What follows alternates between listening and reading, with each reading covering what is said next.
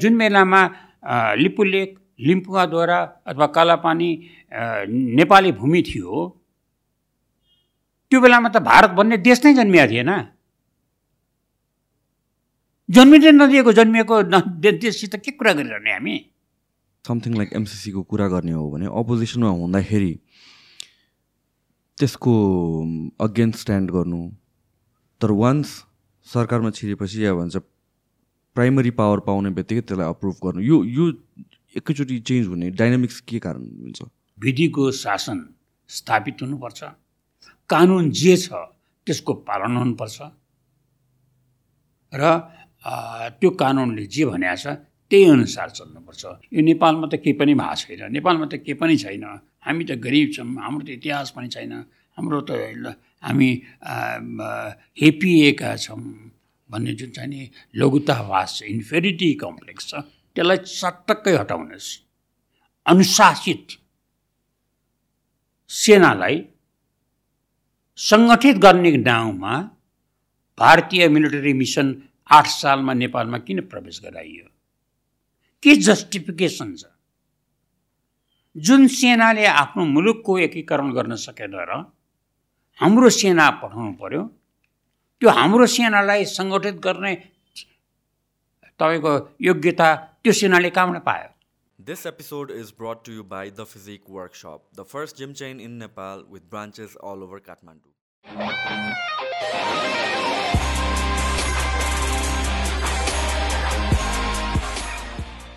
Rameshnathji first of all thank you so much आउनु भएकोमा तपाईँको पोलिटिक्समा ह्युज इन्भल्भमेन्ट छ पहिलादेखि नै। फरेन मिनिस्ट्रीदेखि लिएर धेरै कुरामा डिप्लोमेसीहरूमा इन्भल्भमेन्ट छ। तपाईँको बारेमा एउटा सर्ट इन्ट्रोडक्सन दिनुहोस् न। तपाईँको करियर कहाँबाट सुरु भयो? मेरो सार्वजनिक जीवन प्रारम्भ भएको करिब करिब बाल्य अवस्थामै भन्नुहोस् तेह्र वर्षको उमेरमा मैले एसएलसी जात दिएको थिएँ। एसएलसी जाँच दिएपछि त्यो बेलामा एसएलसीको परिणाम निस्किनलाई सिक्स सेभेन एट मन्थ्स नै लाग्थ्यो। त्यो सिक्स त्यति लामो पिरियड चाहिँ नबरालियोस् भनेर मेरो प्यारेन्ट्सहरूले मलाई त्यस बेलाको पपुलर डेली पेपर थियो हाल खबर भन्ने। त्यसमा उहाँहरूले मलाई लगेर एट्याच गराइदिनु भयो। जर्नलिजम मैले प्रवेश गरेको होइन। त्यो छ आठ महिना खेर नजाओस् भनेर त्यो छ आठ महिना उपयोग गर्नलाई गएको हो। अब त्यसमा गएपछि जर्नलिजम नै मेरो क्यारियर भयो। अनि रिजल्ट आयो कलेजमा पढाइ सुरु भयो तर अखबारमा कन्टिन्यू भयो। त्यही बेलामा पन्ध्र सालमा नेपालमा पहिलोपटक आम चुनाव भयो। आम चुनाव हुने बेलामा त्यो बेलामा यहाँ एउटा अङ्ग्रेजी अखबार त्यो बेलामा नै चल्थ्यो। डेली पेपर कमनर भन्ने त्यसको जो एडिटर पब्लिसर हुनुहुन्थ्यो उहाँले नेपालीमा जनता भन्ने पनि दैनिक अखबार निकाल्नुभयो। म पन्ध्र वर्षको उमेरमा त्यो डेली पेपरको एडिटर भएँ। आम चुनावमा त्यो न्युज पेपरले रोल प्ले गर्यो। त्यसपछि सत्र सालको घटना भयो। त्यो घटना पुसमा भयो अनि चैतमा म पहिलोपटक गिरफ्तार भएँ। मेरो राइटिङ्सहरू त्यो बेलाको सरकारलाई मन परेन। म पहिलोपटक सत्र वर्षको उमेरमा जेल गएँ। त्यसमा म नौ दस महिना जेलमा बसेँ। निस्किएर आएपछि मैले अनि आफ्नै अखबार निकालेँ नयाँ सन्देश भन्ने जो तिस वर्षसम्म चल्यो। त्यो अखबारको प्रकाशनको बेलामा म धेरै पटक म माथि मुद्दा लाग्यो र म पटक पटक जेलमा फेरि गिरफ्तार भएँ र मैले साढे तिन वर्ष जेलमा बिताएँ। जेलबाट छुट्ने बेलामा त्यो बेलामा मैले सोह्र दिन अनसन गरेँ र एउटा क्रम भयो पत्रकारितामा लाग्दाखेरिमा मैले म पन्ध्र वर्षको उमेर सोह्र वर्षको उमेरमा भारतको पहिलो प्रधानमन्त्री जवाहरलाल नेहरू चिनको पहिलो प्रधानमन्त्री चौहानलाई दुइटैसँग इन्टरभ्यू गर्ने मौका पाएँ। जुन इन्टरभ्यू त्यो बेलाको इन्टरनेसनल मिडियाले कभर गरेको थियो। त्यो जेलमा बस्दाखेरिमा यहाँका साह्रै सबै महत्त्वपूर्ण नेताहरू मेरो रुममेट थिए। मनमोहन अधिकारीसँग म डेढ वर्ष एउटै कोठामा जेलमा बसेँ। उहाँले नै मलाई इकोनोमिक्स पढाउनु भयो। मैले ग्रेजुएसन चाहिँ भद्रकोट जेलबाट गरेको हुँ। त्यही यही बिचको यो पिरियडमा राजा महेन्द्र जो दरबारमा Bishwaprasad Koirala the first elected prime minister Sundarijal jail or military जेलमा। यिनीहरू दुइटाको बिचमा नेगोसिएसन गराउने काम पाएँ मैले र I negotiated between the two जसलाई बिपी कोरालले आफ्नो किताब जेल जर्नलमा धेरै उल्लेख गर्नुभएको छ। र त्यसमा मेरो र बिपीको बिचमा मेथोलोजीमा कुरा मिलेन। परिणामस्वरूप त्यो मेरो प्रयास असफल भयो। तर त्यसपछि बिपीले मलाई यो कसको बिपीको सोचाइ ठिक अथवा मेरो सोचाइ ठिक हो भन्ने विवादमा टुङ्ग्याउनुको लागि भारतका एक प्रसिद्ध नेता जयप्रकाश नारायण हुनुहुन्थ्यो जो जवाहरलाल नेहरूकै लेभलको स्तरको नेता हुनुहुन्थ्यो राष्ट्रिय नेता। उहाँसित कुरा गर्नलाई पठाउनु भयो र बिपीले आफ्नो जेल जर्नल किताबमा लेख्नु भएको छ। जेपी जेपी भन्नुभएको छ उहाँले। जेपी भने जयप्रकाश नारायण हो। जयप्रकाश नारायणले रमेशको कुरा ठिक थियो मैले सोचेको कुरा ठिक थिएन भनेर मलाई खबर पठाउनु भएको छ भन्नु उहाँको मदरको मार्फतबाट खबर पठाउनु। यस प्रकार मेरो राजनीतिमा पत्रकारितामा राष्ट्रिय मामिलामा संलग्नता बढ्दै गयो। मेरो लेखाइहरू त्यही मन परेपछि मलाई बिस्तारै कुटनीतिमा प्रवेश गराइयो। नेप त्यो बेलामा दुई हजार पच्चिस सालमा नेपाल र भारतको बिचमा एउटा बडा अस्चिलो अवस्था थियो। अस्चिलो अवस्था भने के भने नेपाल र भारतको बिचको ट्रेड एन्ड ट्रान्जिटको जो ट्रिटी हो त्यो ट्रिटीको म्याद ल्याप्स भइसकेको थियो। तर तर ट्रेड एन्ड ट्रान्जिटको रिलेसन चाहिँ स्मुथली चलिरहेको थियो। त्यो नयाँ एग्रिमेन्टको निम्तिमा हाम्रो चाहिँ भनाइ सोचाइ के थियो भने ट्रेडको अलग्ग हुनुपर्छ ट्रान्जिटको अलग्ग हुनुपर्छ ट्रान्जिट भन्ने चाहिँ नि यो भूपरिवेष्टित राष्ट्रको अधिकार हो। ट्रेड भनेको बायोलाइट्रल ट्रेड दुइटा कन्ट्रीको बिचको कुरा हो भनेर थियो त्यसमा गभर्मेन्ट अफ इन्डिया मानिरहेको थिएन। त राजा महेन्द्रले मलाई त्यो बेलामा इन्डियाको प्रधानमन्त्री इन्दिरा गान्धीसित वार्ता गर्न पठाउनु भयो। त्यो वार्ता सफल भयो। हाम्रो बिचमा सहमति भयो। त्यही बिचमा दुई तिनवटा अरू देशहरूसित पनि हाम्रो यो स्ट्राटेजिक म्याटरहरूमा खास गरेर सुरक्षाका मामिलाहरूमा समस्याहरू थिए र मलाई त्यो तत्कालीन प्रधानमन्त्रीको अफिसियल क्रेडेन्सियल लिएर रिटेन क्रेडेन्सियल लिएर वार्ता गर्न पठाइयो। त्यो वार्ता सफल भयो। भएपछि युनाइटेड नेसन्समा हामी दुई हजार पचपन्न नाइन्टिन फिफ्टी फाइभमा हामी युनाइटेड नेसन्समा मेम्बर भइसकेका थियौँ। त्यसपछि चाहिँ मलाई युनाइटेड नेसन्समा नेपालको प्रतिनिधिमण्डलको सदस्यको रूपमा पठाइयो। र हामीले पहिलोपटक नाइन्टिन सिक्सटी एटमा युनाइटेड नेसन्स सेक्युरिटी काउन्सिलको चुनाव लड्यौँ र चुनाव जित्यौँ युनाइटेड नेसन्स जनरल एसेम्ब्लीको हिस्ट्रीमा त्यस्तो रेकर्ड भोटले चुनाव जितेको त्यो पहिलो पटक थियो। त्यसपछि म नेपाल फर्केर आएर फेरि पत्रकारितामै कन्टिन्यू गरेँ।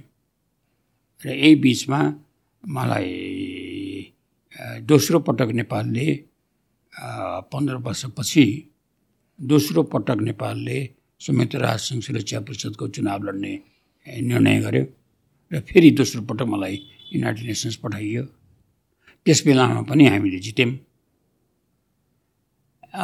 त्यसपछि टु थाउजन्ड फाइभमा नेपालले म नै परराष्ट्र मन्त्री भएको बेलामा नेपालले फेरि सुरक्षा परिषदको सदस्य हुनुपर्छ भनेर मेरै नेतृत्वमा प्रयास प्रारम्भ भयो त्यो बेलामा नेपालको विरुद्धमा नेपालको विरुद्धमा नभनौँ नेपालको राइभलको रूपमा दुईवटा अरू मुलुकहरू पनि एसियन सिटबाट सेक्युरिटी काउन्सिलको क्यान्डिडेट थिए। एउटा कोरिया दक्षिण कोरिया एउटा इन्डो एउटा इन्डोनेसिया। दक्षिण कोरियाको परराष्ट्र मन्त्री जो बान्की मुन हुनुहुन्थ्यो उहाँसित म मेरो र उहाँको बिचमा सम्बन्ध निकै राम्रो थियो किनभने दुईवटा कन्ट्रीको बिचमा एज ए फरेन मिनिस्टर हामीले काम गरिरहेको थियौँ। बान्के मुन त्यो बेलामा युनाइटेड नेसन्सको जनरल सेक्रेटरीको क्यान्डिडेट हुनुभयो। भएपछि मैले उहाँलाई सियरमा भेटेँ। तिमी त अब सचिव महासचिव भन्नु लाग्छौ त्यस निम्ति सेक्युरिटी काउन्सिलमा हामीलाई कोरियाले सहयोग गर भनेर वार्ता गऱ्यो उहाँले भन्नु अब म सेक्रेटरी जनरलको क्यान्डिडेट भइसक्यो हुनाले मैले साथ लिन मिल्दैन। तर हाम्रो साउथ कोरियाले तिमीलाई साथ दिन्छ। म इन्डोनेसियासित कुरा गराइदिन्छु। इन् त्यसपछि यो non aligned movement non foreign मिनिस्टर्सहरूको एउटा कम् कन्फरेन्स भएको थियो जकार्तामा म गएको थिएँ। त्यहाँ इन्डोनेसियाको फरेन मिनिस्टरसँग वार्ता भयो। सर्टेन नेगोसिएसन हामीहरूको बिचमा भयो। नेपाललाई सुरक्षा परिषदको सदस्य तेस्रो पटक बनाउने क्रममा मेरो इमोसनल इन्ट्रेस्ट पनि थियो किनभने नेपाल तिन त्यस तिन पटक सुरक्षा परिषदको सदस्य हुने तिनै पटक मेरो कन्ट्रिब्युसन हुने that would be legacy registry भन्ने सोचाइ थियो यहाँ फर्केर आएपछि यहाँ मुभमेन्ट भयो गभर्मेन्ट चेन्ज भयो म फरेन मिनिस्टरबाट हटेँ नयाँ सरकार बन्यो नयाँ फरेन मिनिस्टर आउनुभयो र जुन निर्णय भएको थियो नेपाल र इन्डोनेसियाको फरेन मिनिस्टरको मलेसियामा हुने बैठकमा मलेसियामा हुने फरेन मिनिस्टर्स कन्फरेन्समा कुरा गरेर सेटल गर्ने भनेर हाम्रो फरेन मिनिस्टरले भेट्नु भएन। वार्ता हुन सकेन। नयाँ फरेन मिनिस्टर वार्ता नगरेपछि अब त्यो त्यत्तिकै भयो। अब के के भयो यहाँ? अनि जब चुनाव भयो नेपाल अत्यन्तै नराम्रोसित पराजित भयो। त्यसपछिका कथाहरू अर्को अर्को पार्ट हो पछि कुरा गरौँला मूलत ने नेपालको राज पत्रकारितामा नेपालको राजनीतिमा नेपालको पर अन्तर्राष्ट्रिय सम्बन्धमा मेरो संलग्नता योजनाबद्ध नभएर परिबन्धले त्यसलाई अगाडि बढाउँदै लग्यो र यहाँ आइपुग्यो सो जर्नलिजममा तपाईँको हेभी इन्भल्भमेन्ट पहिलादेखि नै थियो जुन हिसाबले पहिला आर्टिकल लेख्नु भएको भरमा चित्त नबुझेर तपाईँलाई जेलमा राखियो त्यतिसम्मको रेस्ट्रिक्टेड थियो जर्नलिजम र त्यहाँबाट अहिलेसम्म आउँदाखेरि प्रेस भनेको इट्स म्यासिभली फ्री होइन कतिसम्म त फ्याक्ट्स नै हुँदैन। त्यतिसम्म पनि फ्रिडम छ अहिले। त्यो डिफ्रेन्सलाई तपाईँले कसरी हेर्नुहुन्छ? यु बिङ समन जसले चाहिँ आर्टिकल लेखेकै भरमा त्यस्तो कन्सिक्वेन्सेस पाउनु आठ नौ महिनासम्म र अहिलेको जुन हिसाबले फ्याक्ट्स नै कहिले काहीँ चेन्ज भएर आइदिन्छ आफ्नो इन्ट्रेस्ट अनुसारले? होइन मैले अघि तपाईँले बताएँ मैले जम्मा साढे तिन वर्ष जेलमा बिताएँ। त्यो बेलामा जर्न जुन बेलामा म जर्नलिजममा थिएँ त्यो बेलामा नेपालको पत्रकारिता पत्रकारिता it was a mission journalism थियो। डेमोक्रेसीको लागि नेसनल इन्ट्रेस्टको लागि जर्नलिजम गर्थ्यौँ हामी। हाम्रा राइटिङ्सहरू सबै त्यसमा थियो सर्कुलेसन लिमिटेड थियो किनभने काठमाडौँबाट बाहिर जाने काठमाडौँबाट पोखरा जाने बा बाटो थिएन। काठमाडौँबाट विराटनगर जानलाई इन्डिया भएर जानु पर्थ्यो रोड थिएन बस सर्भिस थिएन। हवाईजहाजहरू हप्तामा एक दिन जान्थे। भन्दा रिडरसिप लिमिटेड थियो। इकोनोमिक एक्टिभिटिजहरू थिएन। त्यसको कारणले गर्दा बिजनेस थिएन। न्युज पेपरमा विज्ञापनहरू आउँदैन थिए। भर्खर भर्खर सुरु भएको थियो। मलाई सम्झना हुन्छ। त्यो बेलामा एकजना मानिस चाहिँ दार्जिलिङबाट आउनुभएको थियो। उहाँले आएर नेपालमा पहिलोपटक यो बिजनेस फोटोग्राफीको बिजनेस सुरु गर्नुभयो मानिसले आएर आफ्नो फोटो खिचाउने अनि त्यो फोटो खिचे बाबतमा पैसा दिने। र त्यो नयाँ सडकको भूगोल पार्कको दक्षिणपट्टिको तेस्रो घरको तल छुँडीमा उहाँले एउटा पसल खोल्नुभयो। त्यो पसलको भाडा त्यो बेलामा पाँच रुपियाँ दस रुपियाँ थियो होला महिनाको। र उहाँले आएर मेरो अखबारमा विज्ञापन छाप्नु भयो। विज्ञापन एकपटकको विज्ञापन छापेको पाँच रुपियाँ दस रुपियाँ हामी लिन्थ्यौँ होला। त्यो बेलाको पत्रकारिताको हामी कुरा गरिरहेछौँ अहिले। अब अहिले आजको बेलामा कुरा गर्दाखेरिमा त्यो त्यसरी फोटोग्राफीको बिजनेस सुरु गर्ने मान्छे एउटा यो प्रोफेसनको एउटा पर्सनालिटी बन्यो। जसले यहाँ यो माइतीगर मण्डला माइतीगर फिल्मको यो the one of the producer film photographer Thapa DB Thapa भन्ने मान्छे उहाँले गर्नुभयो र अहिले जुन चाहिने पिपलको बोटको नयाँ सडक भूगोल पार्कको पिपलको बोटको दक्षिणपट्टिको पहिलो सबभन्दा ठुलो घर देख्नुहुन्छ फोटो कन्सन त्यसको मालिक बन्नुभयो त्यो प्रपर्टी किन्नुभयो। त्यो छिँडैबाट सुरु भएको बिजनेस फ्लोरिज गरेर त्यत्रो ठुलो जुन बन्यो त्यो बिचको पिरियडको हामी कुरा गरिरहेछौँ पत्रकारिताको। तर त्यो पत्र नेपालको पत्रकारिता मिसन जर्नलिजम थियो।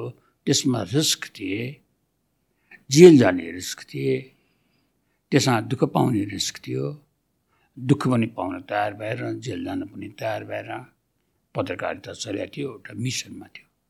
अब त्यो मिसन जर्नलिजम रहेन।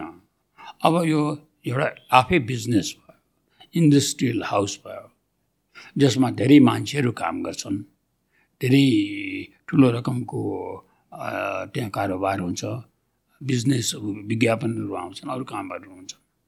र यो चाहिँ नि तपाईँको यसले क्यारेक्टर परिवर्तन गर्यो। त्यो परिवर्तन गर्दाखेरिमा एउटा कुरा छुट्यो।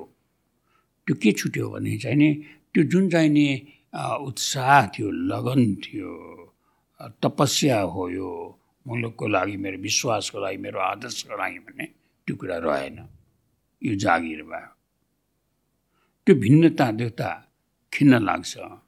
तर यो जर्नलिजमको जुन आजको जर्नलिजम विकास भएर गयो जसले गर्दा यहाँ पाठकहरूलाई त्यो किलागढमा किलागढको ठिक्क अगाडिपट्टि यहाँको तपाईँको एसएलसीको इन्टरमिडिएटको ग्रेजुएसनको रिजल्ट आउने बित्तिकै इन्डियाको अखबारहरू चाहिने हेर्नको निम्तिमा त्यहाँ भिड जम्मा हुनु पर्थ्यो। नेपालको पब्लिक ओपिनियन चाहिने कन्ट्रोल गर्थ्यो इन्डियन मिडियाले।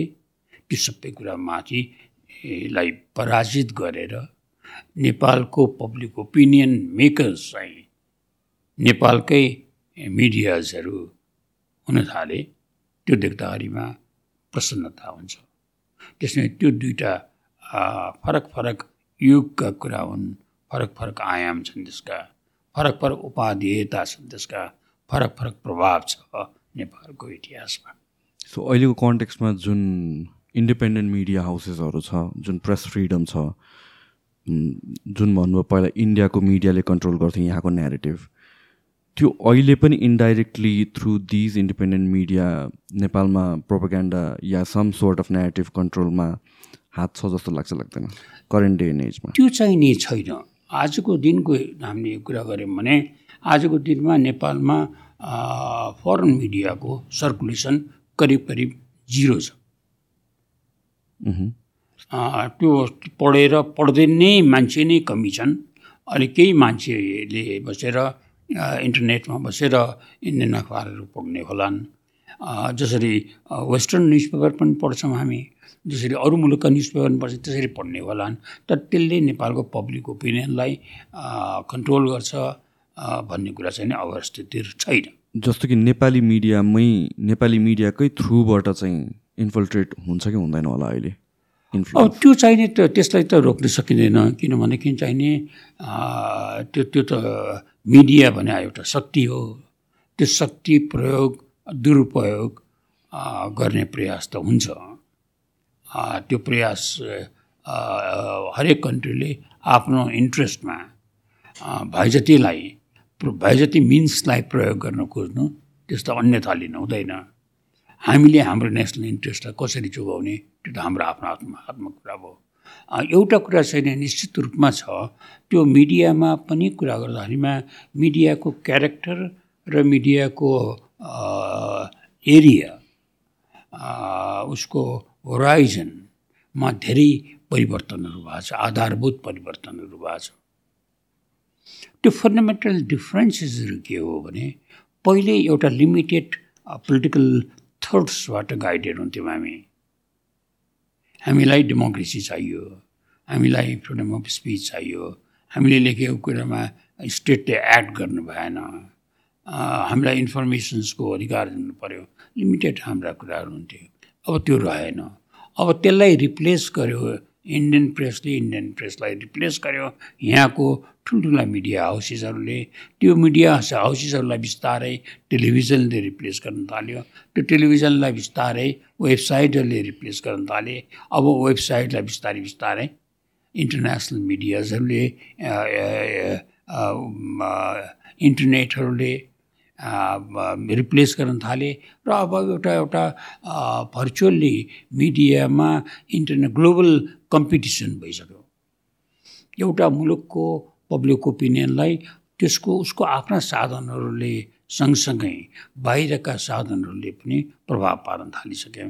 हामीले देखेका छौँ अमेरिकामा अमेरिका जस्तो फ्रिडम भएको कन्ट्रीमा अमेरिकाको जस्तो त्यति ठुलो व्यापक न्युज पेपरको अडियन्स भएको कन्ट्रीमा रिडरसिप भएको देशमा पनि जब ओबामा रिटायर गर्न थालेका थिए र ओबामाको पार्टीबाट डेमोक्रेटिक पार्टीबाट हिलरी क्लिन्टन चुनाव लड्न आएकी थिइन्।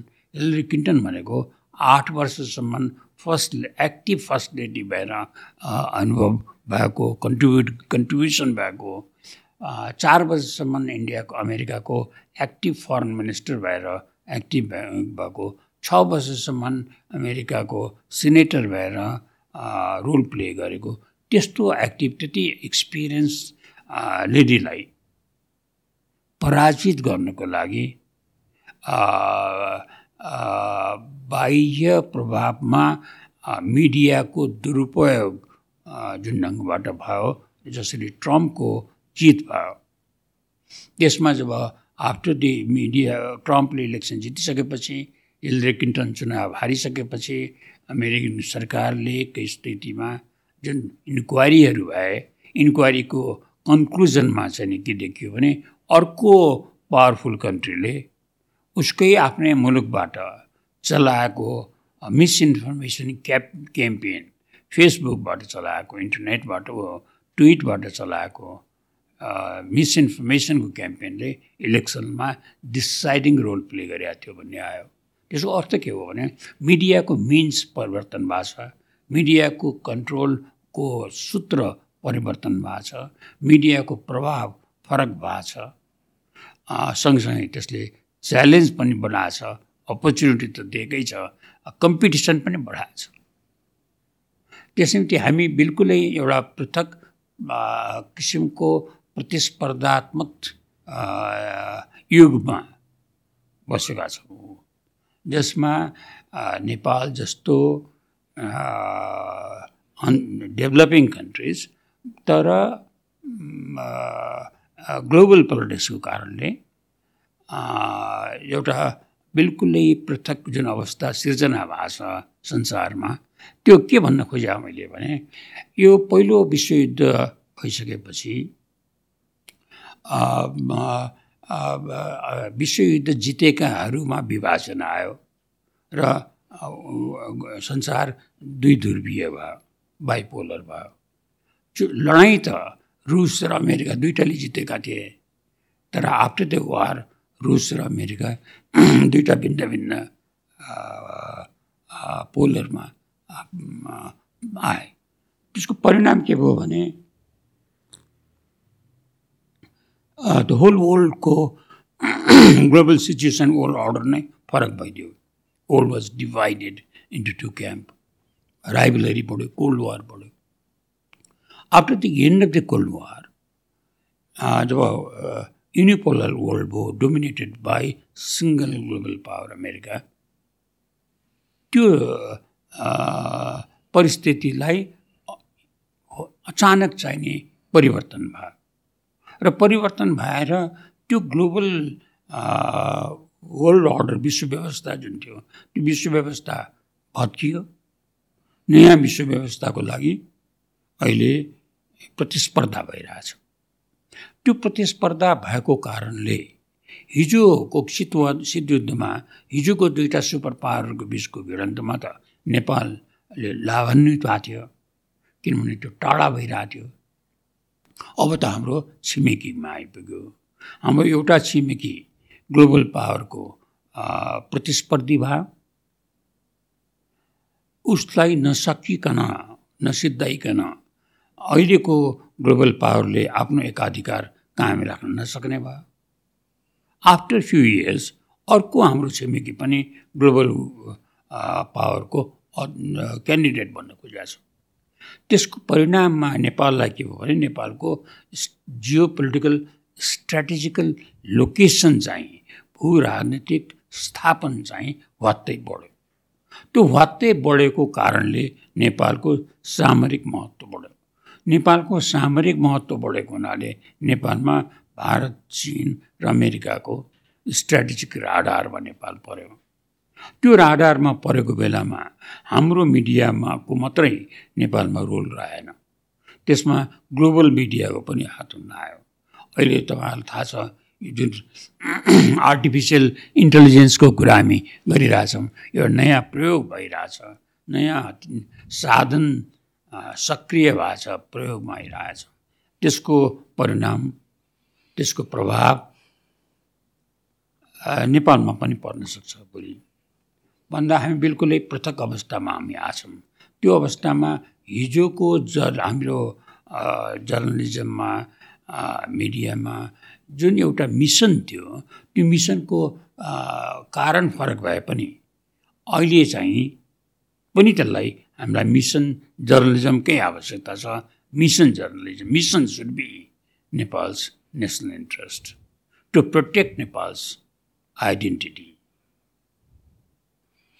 यदि हामीले नेपालको सेपरेट आइडेन्टिटी जो हामीले we have inherited from our parents यदि त्यसलाई हामीले जोगाउन सक्यौँ भने हामीले यदि हाम्रो भोलि आउने फ्युचर जेनेरेसनलाई त्यो हाम्रो नेसनल आइडेन्टिटीलाई इन्ट्याक्ट बुझाइदिन सक्यौँ भने मेरो विचारमा मेरो पुस्तकको that is the duty of this generation and that will be the responsibility we have to so Jio पोलिटिक्सको कुरा गर्दाखेरि अफकोर्स हामी सेन्सिटिभ एउटा पोजिसनमा छौँ geographically between two super powers भनौँ न। यसले गरेर तपाईँलाई कहिले डु यु वरी कि एनी एनी काइन्ड अफ यिनीहरूको बिचमा ब्याक एन्ड फोर्थ हुँदाखेरि हामी बिचमा पर्छौँ जस्तो लाग्छ लाग्दैन तपाईँलाई? हामी परि नै सकेका छौँ। I mean like more directly physical warfare या त्यस्तो भयो कस्तो छ भनेदेखि पहिलो पटक पहिलो पटक अब let let me clear it more यो चाहिँ तपाईँको साउथ एसियामा जुन बेलामा दक्षिण एसियामा सेन्ट्रल एसियाबाट आएको बाबरले सेन्ट्रल एसियाबाट आएर पुरै भारतवर्षलाई कब्जा गरे र भारतमा इस्लामिक मुस्लिम हरूको शासन प्रारम्भ भयो। त्यो एबाउट हन्ड्रेड इयर्सभन्दा बढीको जुन शासन बन्यो बाबर हुमायु अकबर हुँदै हुँदै आएर औरङ्गजेबसम्मको आएर त्यो त्यसलाई ब्रिटिस शासनले रिप्लेस गर्यो।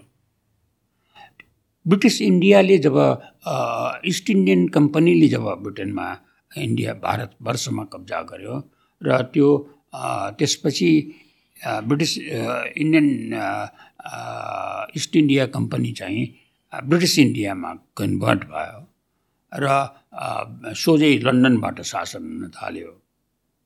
त्यो बेला त्यत्र त्यत्र तपाईँको च्यालेन्जहरू भोगेर बसेको नेपालले आफ्नो आइडेन्टिटीलाई जोगाएर राखेको नेपालले।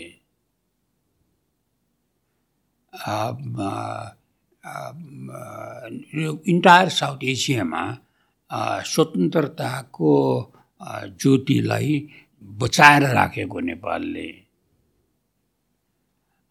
इन्टरनेसनल रिलेसन्सको इतिहास नेपालले प्रारम्भ गर्यो। जुन बेलामा नेपालले बेलायतसित डिप्लोमेटिक रिलेसन राख्यो। फ्रान्ससित हाम्रो प्राइम मिनिस्टरले फ्रान्सको अफिसियल भिजिट गर्नुभयो। त्यो बेलामा त दक्षिण एसियामा एउटा पनि देश थिएन देशको नाउँमा। दक्षिण एसिया त ब्रिटेन थियो। त्यत्रो हिस्ट्री भएको बसेको देशले मा कहिले पनि नेपालमा आउटसाइड विदेशी शक्तिहरूको भिडन्त भएन। हामीले रिसेन्ट पास्टमा देख्यौँ एबाउट दुई डेढ दुई वर्ष अगाडिको देखिको हामी देख्न थालेका छौँ। हामी कहाँ प्रत्यक्ष रूपमा अमेरिका र चाइ चिनको बिचमा पब्लिकली सार्वजनिक रूपमा भिडन्तहरू भए। वक्तव्यहरू शब्द शब्द वार वार पोर्ट्सहरू हामीले सुन्नु पऱ्यो त्यसले के बताइरहेछ भने त्यो स्ट्राटेजिक राडारमा हामी परि नै सकेका छौँ। हामी कसरी त्यसलाई एड्रेस गर्छौँ कसरी त्यसलाई म्यानेज गर्छौँ कसरी हामी आफ्नो नेसनल इन्ट्रेस्टलाई जोगाउँछौँ कसरी हामी पिस र स्टेबिलिटीलाई बचाएर राख्छौँ द्याट डिपेन्ड्स अपन आवर क्याले हाम्रो आफ्नो दक्षतामा भर गर्छ हामी परि नै सकेका छौँ यस्तो परेको अवस्थामा एउटा ब्राइट साइड के छ भने उज्यालो चाहिँ के देखिन्छ भने त्यसलाई राम्ररी म्यानेज गर्न सक्यौँ भने नेपाल साउथ एसियाको पावर सेन्टरमा डेभलप गरिदिन्छ।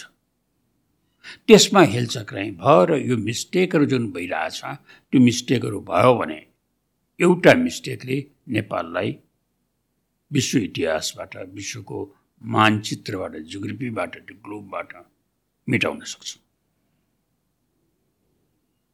त्यसनिम्ति हामी जोखिमको अवस्थामा छौँ हामी अवसर नयाँ अवसरको अवस्थामा पनि छौँ।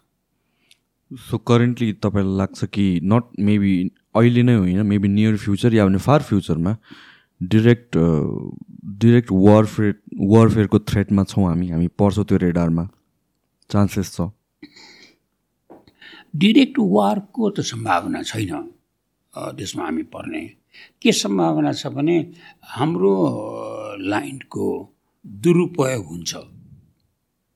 एउटा अथवा अर्को शक्तिले आफ्नो स्वार्थमा त्यसलाई युज अथवा मिसयुज गर्ने सम्भावना हुन्छ। त्यो त्यो सम्भावनालाई हामीले रोक्न सकेनौँ भने त्यो अवस्थामा गएर यहाँ क्ल्यास हुनसक्छ सुपर पावर दुईवटा पावरहरूको बिचमा। हाम्रो सोइलमा हाम्रो भूमिमा। त्यो क्लासले हामीलाई धेरै आश्चर्यमा पार्छ। त्यो यो सबभन्दा सोच्नुपर्ने कुरा के छ भने जति पनि संसारमा दुर्घटनाहरू भएको छन् मैले स्टेटको लेभलको दुर्घटना भने त्यो भएको छ त्यो चाहिँ नि जियोग्राफीको कारणले भएको छ। उदाहरणको लागि हेर्नुहोस्।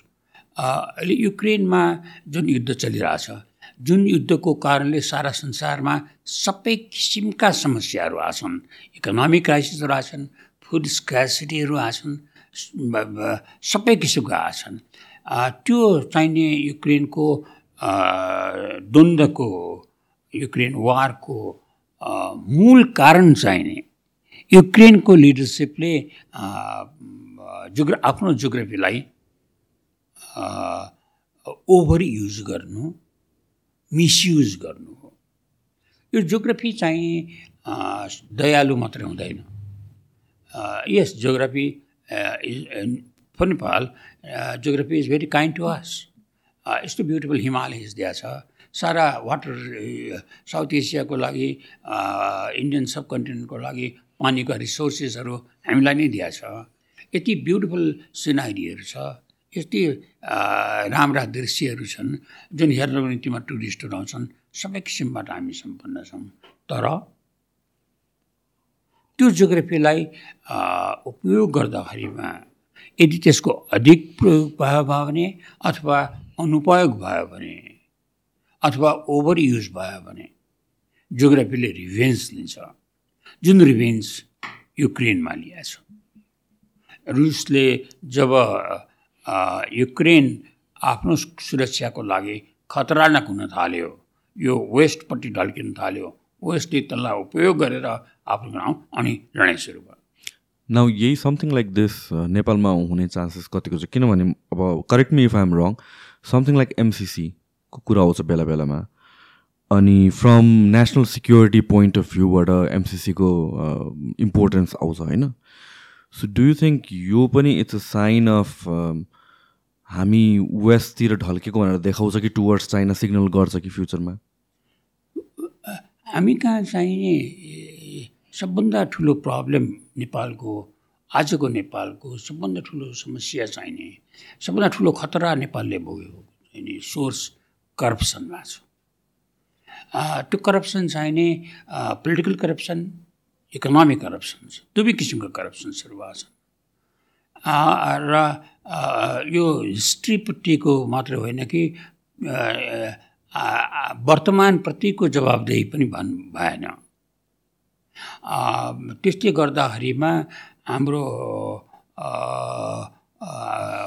लिडरसिपमा बसेका मान्छे मानिसहरूले त्यो जनताको डर मान्न छोड्नुभयो इतिहासको डर त मान्न छोड्नु भएकै थियो एमसिसीको बारेमा यसको एग्रिमेन्ट गर्दाखेरिमा नेपाली कङ्ग्रेसको सरकार थियो। त्यसपछि माओवादीको सरकार आयो त्यो अगाडि बढ्यो। त्यसपछि एमालेको सरकार आयो फेरि अगाडि बढ्यो। फेरि नेपाली कङ्ग्रेसको माओवादीको सरकार आयो त्यसलाई कन्टिन्यू गर्यो। र त्यो विवाद बढ्दै गए। किन नेपाल एउटै देश हो जहाँ सत्तामा बसेको सत्तामा बसेको र प्रतिपक्षमा गएको पार्टीको बिचमा अदल बदल फ्रिक्वेन्टली हुन्छ। अनि सबै नै पोलिसी म्याटरमा पावरमा बसेको बेला एउटै हुन्छन्। पावरबाट घटेपछि रेस जिम दा जिम्मेवारी लिन चाहँदैनन्। त्यसले गर्दाखेरिमा एमसिसी चाहिँ तपाईँको एउटा समस्या बन्न गयो यदि एमसिसी ठिक थिएन भने नेपाली कङ्ग्रेसले किन स्वीकार गरे अथवा नेपाली कङ्ग्रेस पछि आउने सरकारले त्यसलाई स्क्र्याप किन नगरे अथवा त्यसपछि आउने सरकारले त्यसलाई किन कन्टिन्यू गरे अथवा त्यसपछि आउने अर्को सरकारले किन गरे? यदि ठिक थियो भने किन त्यसलाई विवाद गरे? त्यसको मूल कारण के हो भने हाम्रो पोलिसिज भएन। हामी हाम्रो नेसनल नेपालको इन्टरनेसनल रिलेसन्स भनेको चाहिँ अन्तर्राष्ट्रिय सम्बन्ध भनेको व्यक्तिको भाव व्यक्तिको हितमा समूहको भाव मुलुकको भएन। त्यसले गर्दाखेरिमा हामीले हरेक कुरालाई विवादास्पद बनाइदियौँ। त्यो विवादास्पद बनाएको हुनाले त्यसको त्यसले जुन द्वन्द्व खडा गर्यो र अर्को चाहिँ प्रतिस्पर्धी जो happens to be our neighbour ऊ शङ्कास्पद भयो। उसले भन्ठान्यो मेरो इन्ट्रेस्ट चाहिँ नेपालमा हेरिराखेका छैन भनेर। अघि सुरुमा तपाईँले जे कुरा प्रश्न गर्नुभयो त्यस त्यहीसँग यसलाई जोड्नु आवश्यक हुन्छ। यदि हामीलाई हाम्रा दुईवटा छिमेकीहरूले उनीहरूको जिन्युन इन्ट्रेस्ट जो नेपालमा छ त्यो जिन्युन इन्ट्रेस्ट चाहिँ नेपालमा प्रोटेक्टेड छ। सुरक्षित छ। त्यो इन्ट्रेस्ट चाहिने सुरक्षित राख्न सक्ने क्षमता भएको नेपालमा सरकार छ। र हामी यहाँ नेपालबाट हाम्रो सुरक्षामा हामी निश्चिन्त छौँ भन्ने उनीहरूको विश्वासमा जब सङ्कट आउँछ जब दुईवटा छिमेकी अथवा दुईमध्ये एक छिमेकीले म नेपालमा असुरक्षित छु। नेपालबाट मेरो सुरक्षामा आघात पुग्न थालेको छ पुग्न सक्छ र त्यसलाई रोक्न सक्ने नेपालमा सरकार छैन भने हुन्छ अनि नेपाल विपत्तिमा पर्छ। अहिले हामी विपत्तितिर गइरहेका छौँ। हामीले परिपक्वता गुमाएका छौँ गुमाएको बेला छ।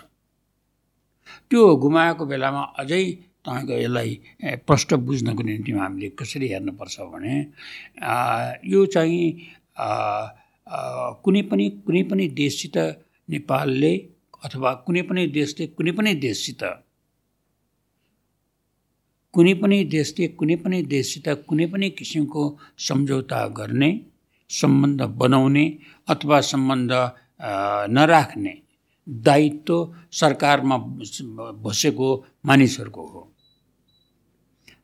जो सरकारमा छ त्यसलाई तिनलाई तिनले म्यान्डेट पाछ मुलुकको तर्फबाट काम गर्ने। तिनले दायित्व लिनुपर्छ र काम गर्नुपर्छ। हामी कहाँ त्यो भएन। दायित्व कसैले पनि लिएनन्। अनि नलिएपछि कन्ट्रडिक्सन्सहरू भए। अनि पर्सनल इन्ट्रेस्टमा पर्सनल बेनिफिटमा पर्सनल आग्रहमा पर्सनल पूर्वाग्रहमा हामी गाइडेड भयौँ। परिणाम के भयो भने हरेक इस्युज चाहिँ हाम्रो समस्यामा बन्न गयो। चिनसँगको सम्बन्ध पनि अहिले मा पनि राष्ट्रिय सहमति छैन। भारतसँगको सम्बन्धमा पनि छैन अमेरिकासँगको सम्बन्धमा पनि छैन। परिणामस्वरूप हामी विवादमा पर्दै गयौँ। अघि तपाईँले जुन आशङ्का गर्नुभयो त्यो आशङ्काको कारण यही हो। यही कारणले गर्दा हामी हाम्रो भोलि निश्चित छ भन्ने कुरामा हामी सुरक्षित भएर हेर्न सक्ने अवस्था सो हाम्रो यो पोलिटिकल डिसिजनमा इन्स्टेबिलिटी हुनुको कारण के हो जस्तो लाग्छ? किनभने अपोजिसनमा हुँदाखेरि समथिङ लाइक एमसिसीको कुरा गर्ने हो भने अपोजिसनमा हुँदाखेरि त्यसको अगेन्स्ट स्ट्यान्ड गर्नु। तर वान्स सरकारमा छिरेपछि या भन्छ प्राइमरी पावर पाउने बित्तिकै त्यसलाई अप्रुभ गर्नु। यो यो एकैचोटि चेन्ज हुने डाइनामिक्स के कारण हुन्छ? यसको दुईवटा कारण हो। एउटा कारण चाहिँ नि के हो भने देशको इन्टरनेसनल रिलेसन्स भनेको व्यक्तिको अथवा सरकारको अथवा व्यवस्थाको अथवा राजनीतिको हुँदैन। फरेन पोलिसिज कुनै पनि मुलुकको परिवर्तनशील हुँदैन। जुनसुकै सरकार आए पनि जुनसुकै रिजिम आए पनि जुनसुकै व्यक्ति आए पनि फरेन पोलिसी त्यही नै रहन्छ। किनभने फरेन पोलिसीको एक मात्र उद्देश्य राष्ट्रिय स्वार्थको रक्षा गर्नु हो। राष्ट्रिय स्वार्थमा त कुनै परिवर्तन हुँदै हुँदैन। हाम्रो हाम्रो कन्टेक्समा पनि त्यो अप्लाई हुन्छ त? सदा सबै सबै संसार सबै शक्तिशाली अथवा कमजोर धनी अथवा गरिब तपाईँको स्ट्राटेजिक लोकेसन भएका अथवा नभएका सबै मुलुकहरूको निम्तिमा यो सान्तरिक छ। तपाईँले हेर्नुभयो भने देख्नुहुन्छ अमेरिकाको अमेरिकाले जुन बेलामा निक्सन किसिन्जरले माओसेतुङ र चुवलनाईको चिनसित लाई चिन नै मान्दैनथे। उनीहरूले ताइवानलाई चिन मान्थे। ताइवानलाई युनाइटेड नेसन सेक्युरिटी काउन्सिलको पी फाइभ मध्येको एउटा बनाएर राखेका थिए। त्यहाँ दुईवटा कन्ट्रीको एम्बेसेडर्सहरूको एक्सचेन्ज भएको थियो। र सडनली जब चिन बेजिङ्सलाई रियल चाइना हो भनेर उनीहरूले स्वीकार गरे र परिवर्तन गरिदिए संसारको यो ब्यालेन्स पावरलाई त्यो बेलामा चि अमेरिकाको फरेन पोलिसी परिवर्तन भएको होइन। अमेरिकाको फरेन पोलिसीको उद्देश्य जो राष्ट्रिय स्वार्थ हो त्यो स्वार्थ रक्ष रक्षा गर्ने विधि परिवर्तन भयो किन भयो भने चाहिँ हिजो सेकेन्ड ग्रेट वारमा उनले रुससित मिलेर जर्मनीलाई हराए कोल्ड वारमा रुसको खिलाफमा विश्वलाई आफ्नो पक्षमा मनाए। रुस शक्तिशाली हुँदै गयो सोभियत सङ्घ शक्तिशाली हुँदै गयो। अब सोभियत सङ्घलाई विघटन बनाएर कमजोर बनाउनुको निम्तिमा उनलाई चिनको सहयोग चाहियो। चिनसँग मिलेर गए। जुन चिन अमेरिकासित मिलेर सोभियत सङ्घको युद्ध गति भयो अहिले युक्रेनको युद्धमा चिनले रुसलाई साथ दिइराखेको छ। त्यसको मतलब फरेन पोलिसीमा परिवर्तन भयो होइन। फरेन पोलिसीको उद्देश्य हासिल गर्नको निम्तिमा विधिमा परिवर्तन भयो त्यसै नेपालले पनि आफ्नो स्वार्थ आफ्नो राष्ट्रिय हित उपयोगलाई जोगाउनुको लागि विधिहरू प्रायोरिटिजहरू प्रा परिवर्तन गर्न सक्छ। तर राष्ट्रिय हित त परिवर्तन हुँदैन किन राष्ट्रिय हित भने त नेपालको स्वार्थ जोगाउने हो। नेपालको स्वार्थ भने नेपालको सुरक्षा नेपालको विकास नेपालको गर्ने हो। त्यस्तो त परिवर्तन हुँदैन। त्यस त्यो नेपालमा पनि लागु हुन्छ। मूल कुरा के हो भने हाम्रा यहाँको हाम्रो हामीले चाहिँ यो एकाउन्टेबिलिटी भएन हाम्रो पोलिटिकल सिस्टममा एकाउन्टेबिलिटी किन भएन भनेदेखि चाहिँ नि एउटा इक्जाम्पल हेर्नुहोस् सानो इक्जाम्पल हेर्नुहोस्। हाम्रो सब अन्य डेमोक्रेटिक कन्ट्रिजहरूमा जस्तै हाम्रो देशमा पनि एउटा ऐन छ। त्यो ऐनले के भन्छ भने चुनाव लडेपछि चुनाव लडेका पार्टी उम्मेदवारहरूले यति अवधिभित्रमा चुनावमा भएको खर्च चाहिँ इलेक्सन कमिसनलाई बुझाउनुपर्छ। नबुझाएमा इलेक्सन कमिसनले यति दण्ड गर्न सक्नेछ भन्ने ऐनमा लेखिया छ। त्यो जस्तो ऐन सबै डेमोक्रेटिक कन्ट्रिजहरूमा पनि छन्। हामी कहाँ पहिलोपटक चुनाव पनि भएको होइन। हामी कहाँ धेरै पटक चुनाव भएको छन्। धेरै पटक त्यो ऐन सक्रिय भएको छ।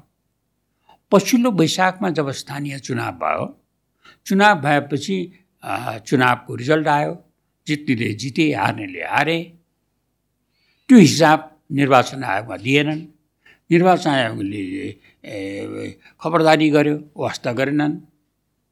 निर्वाचन आयोगले सार्वजनिक जानकारी दिएर यति उमे फलाना फलाना उम्मेदवारहरूलाई दण्ड गरिदियो। अब त्यो दण्ड गर्यो भने के हो भने कानुन सक्रिय भयो भने अब एक दिन अचानक सरकारले कानुन त त्यही नै छ तर सरकारले एक दिन अचानक क्याबिनेटले डिसिसन गरिदियो राष्ट्रपतिले गएर त्यो सुनाए माफी गरिदियो। माफी गरिदियो भने कि? कानुन परिवर्तन गरे होइन। यदि त्यो कानुन नाजायज छ भने सरकारले कानुन परिवर्तन गरे भइहाल्थ्यो नि। कानुन त राखेको छ। कानुन राखेपछि निर्वाचन आयोगले गरेको सजायलाई माफी गरेको भने के भने एक्जिक्युटिभले भनिरहेछ। म लभन्दा माथि छु। आम ए भब दि ल। मलाई लागु कानुन लागु हुँदैन। मैले चाहेँ भने कानुनलाई म निष्क्रिय गर्न सक्छु। त्यो कानुनलाई निष्क्रिय गर्न सक्छु। मलाई म माथि मैले गरेका कुनै पनि अपराधहरूमा सजाय हुँदैन भनेर भन्ने जुन प्रवृत्ति विकास भएर गयो ओभर द इयर्स त्यो कारणले गर्दाखेरिमा दुईवटा विकृति राष्ट्रमा आयो। पहिलो विकृति के आयो भने सत्तामा बस्ने एकचोटि सरकारमा मन्त्री भएर सरकारमा प्रधानमन्त्री भएर सरकारमा गृहमन्त्री भएर अथवा अरू अरू पदहरूमा जाने बित्तिकै एक महिनालाई गयो एक वर्षलाई गयो एक वर्षभन्दा त त कोही टिक्दै टिक्दैन त्यसमा भए भन्दा त्योबाट निस्केर गएपछि त्यसलाई आजीवन राज्यले यो गरिब देशको ट्याक्स पेयर्सहरूको पैसाले तिनलाई बचाएर राख्नुपर्ने भयो तिनलाई गाडी दिनु पऱ्यो तिनलाई सुरक्षा दिनु पऱ्यो तिनको घरको बन्दोबस्त गरिदिनु पऱ्यो संसारमा कहीँ पनि छैन। मैले सत्तामा मसेको मात्रै होइन सत्ताबाट हटेका नेताहरूलाई पनि संसारका धेरै देशहरूमा भेटेका छु। हाम्रो यहाँको जस्तो भूतपूर्वहरूलाई यसरी सुरक्षा गार्डले चारैतिर घेरेर राखेको संसारमा देखेको छैन। किन त्यो अवस्था आयो? यदि उहाँहरूले सत्तामा बस्दाखेरिमा कुनै गल्ती गर्नुभएको छैन भने उहाँहरूलाई खतरा किन हुन आयो? एउटा त्यो विकृति आयो। त्यसले गर्दा राजनीति र जनता टाढिए नेतृत्व र कार्यकर्ता टाढिए अर्को अर्को विकृतिले के ल्यायो भने कानुनमाथिको विश्वास हट्यो। र एउटा आम जनतामा एउटा विश्वास भयो। कि सत्तामा बसेको शक्तिमा बसेको प्रभावशाली मान्छेले जिसुकै गऱ्यो भने पनि त्यसलाई छुन सकिँदैन। अनि एकपछि अरू काण्डहरूको फिरिस्त बन्न थाल्यो जुन काण्डहरू एकदम तपाईँको उत्तेजनाहरू समाजमा फैलाउने गरेर मिडियामा आए अनि बिस्तारै सेलाउँदै गए त्यहाँ कसैले सुझाए पाएन पाउनै पऱ्यो भने राजनीतिक नेतृत्वले चाहिँ नि पाएन त्यो अदना कर्मचारीले चाहिँ सुझाए पाएर त्यसलाई सामसुम पारियो। त्यसले गर्दा कानुनमाथिको विश्वास हट्यो। विधिसम्मत मुलुक चलिरहेको छैन भन्ने अनुभूति जनतालाई भयो। त्यसले गर्दा विश्वासको सङ्कट भयो। अनि आजको हामी जुन देखिरहेका छौँ त्यो देख्यौँ। त्यसले गर्दाखेरिमा यो अघि हामी जुन चाहिँ ग्लोबल तपाईँको थ्रेडको कुरा गरिरहेको थियौँ त्यो थ्रेडको कुरा त्यहाँनिर जोडिन आउँछ। त्यसमा के हुन आयो भने यदि भारत र चिनले यो निष्कर्षमा उनीहरू पुगे नेपालको नेतृत्व नेपालको यो एडमिनिस्ट्रेटिभ लिडरसिप यहाँको शासकीय संयन्त्रहरू भ्रष्ट छन्।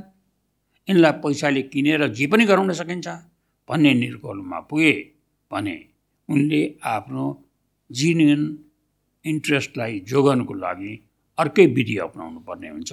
त्यो विधि नेपाल कष्टकर हुन्छ। त्यो खतराको हामी नगिच नगिच गइरहेछौँ। त्यो खतराबाट देशलाई बचाउने एउटा मात्रै उपाय छ। त्यो के भने विधिको शासन स्थापित हुनुपर्छ। कानुन जे छ त्यसको पालन हुनुपर्छ। र त्यो कानुनले जे भनेको छ त्यही अनुसार चल्नुपर्छ।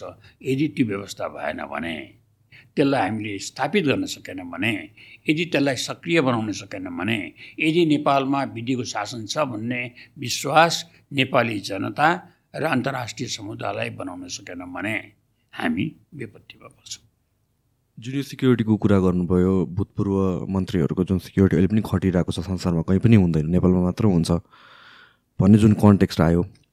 अब यसलाई डिफ्रेन्ट वेबाट हेर्न सकिन्छ होइन? मैले चाहिँ कसरी देख्छु भनेपछि त्यसले के मेसेज दिन्छ भने जुन जेनरल सिटिजनको लागि सिक्योरिटी छ त्यो एनफ छैन भनेर बुझ्छु कि म।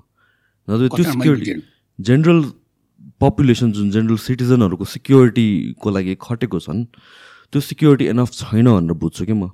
किनभने त्यो पुग्ने भएको त एक्स्ट्रा सिक्योरिटी त चाहिन्थेन होला। होइन जुन एक्स्ट्रा सिक्योरिटी बोकेर हिँड्नुहुन्छ अहिले पनि। यसलाई चाहिने यसलाई यसलाई यसरी नहेरौँ। यसलाई कसरी हेरौँ भने यो फिफ्टिजमा फिफ्टिजको डिकेटमा एउटा चाहिने मुलुक चर्चामा आयो। युगोस्लाभिया भन्ने देश चर्चामा आयो। त्यहाँ चाहिने तपाईँको कम्युनिजम इस्टाब्लिस भयो। सुप युनियनमा कम्युनिजम इस्टाब्लिस थियो रुसमा लेलिनले साम्यवादको स्थापना गरेपछि दोस्रो देश युगोस्लाभियामा साम्यवादको स्थापना भयो।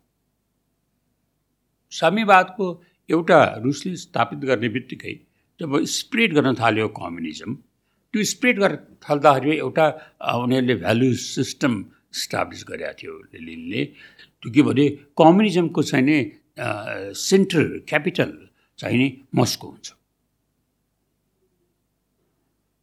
त्यो सिद्धान्तबाट प्रतिपादित भएर त्यो कम्युनिजम स्प्रेड हुँदै गएको थियो। चाइनामा रिभोल्युसन भइसकेका थिएन।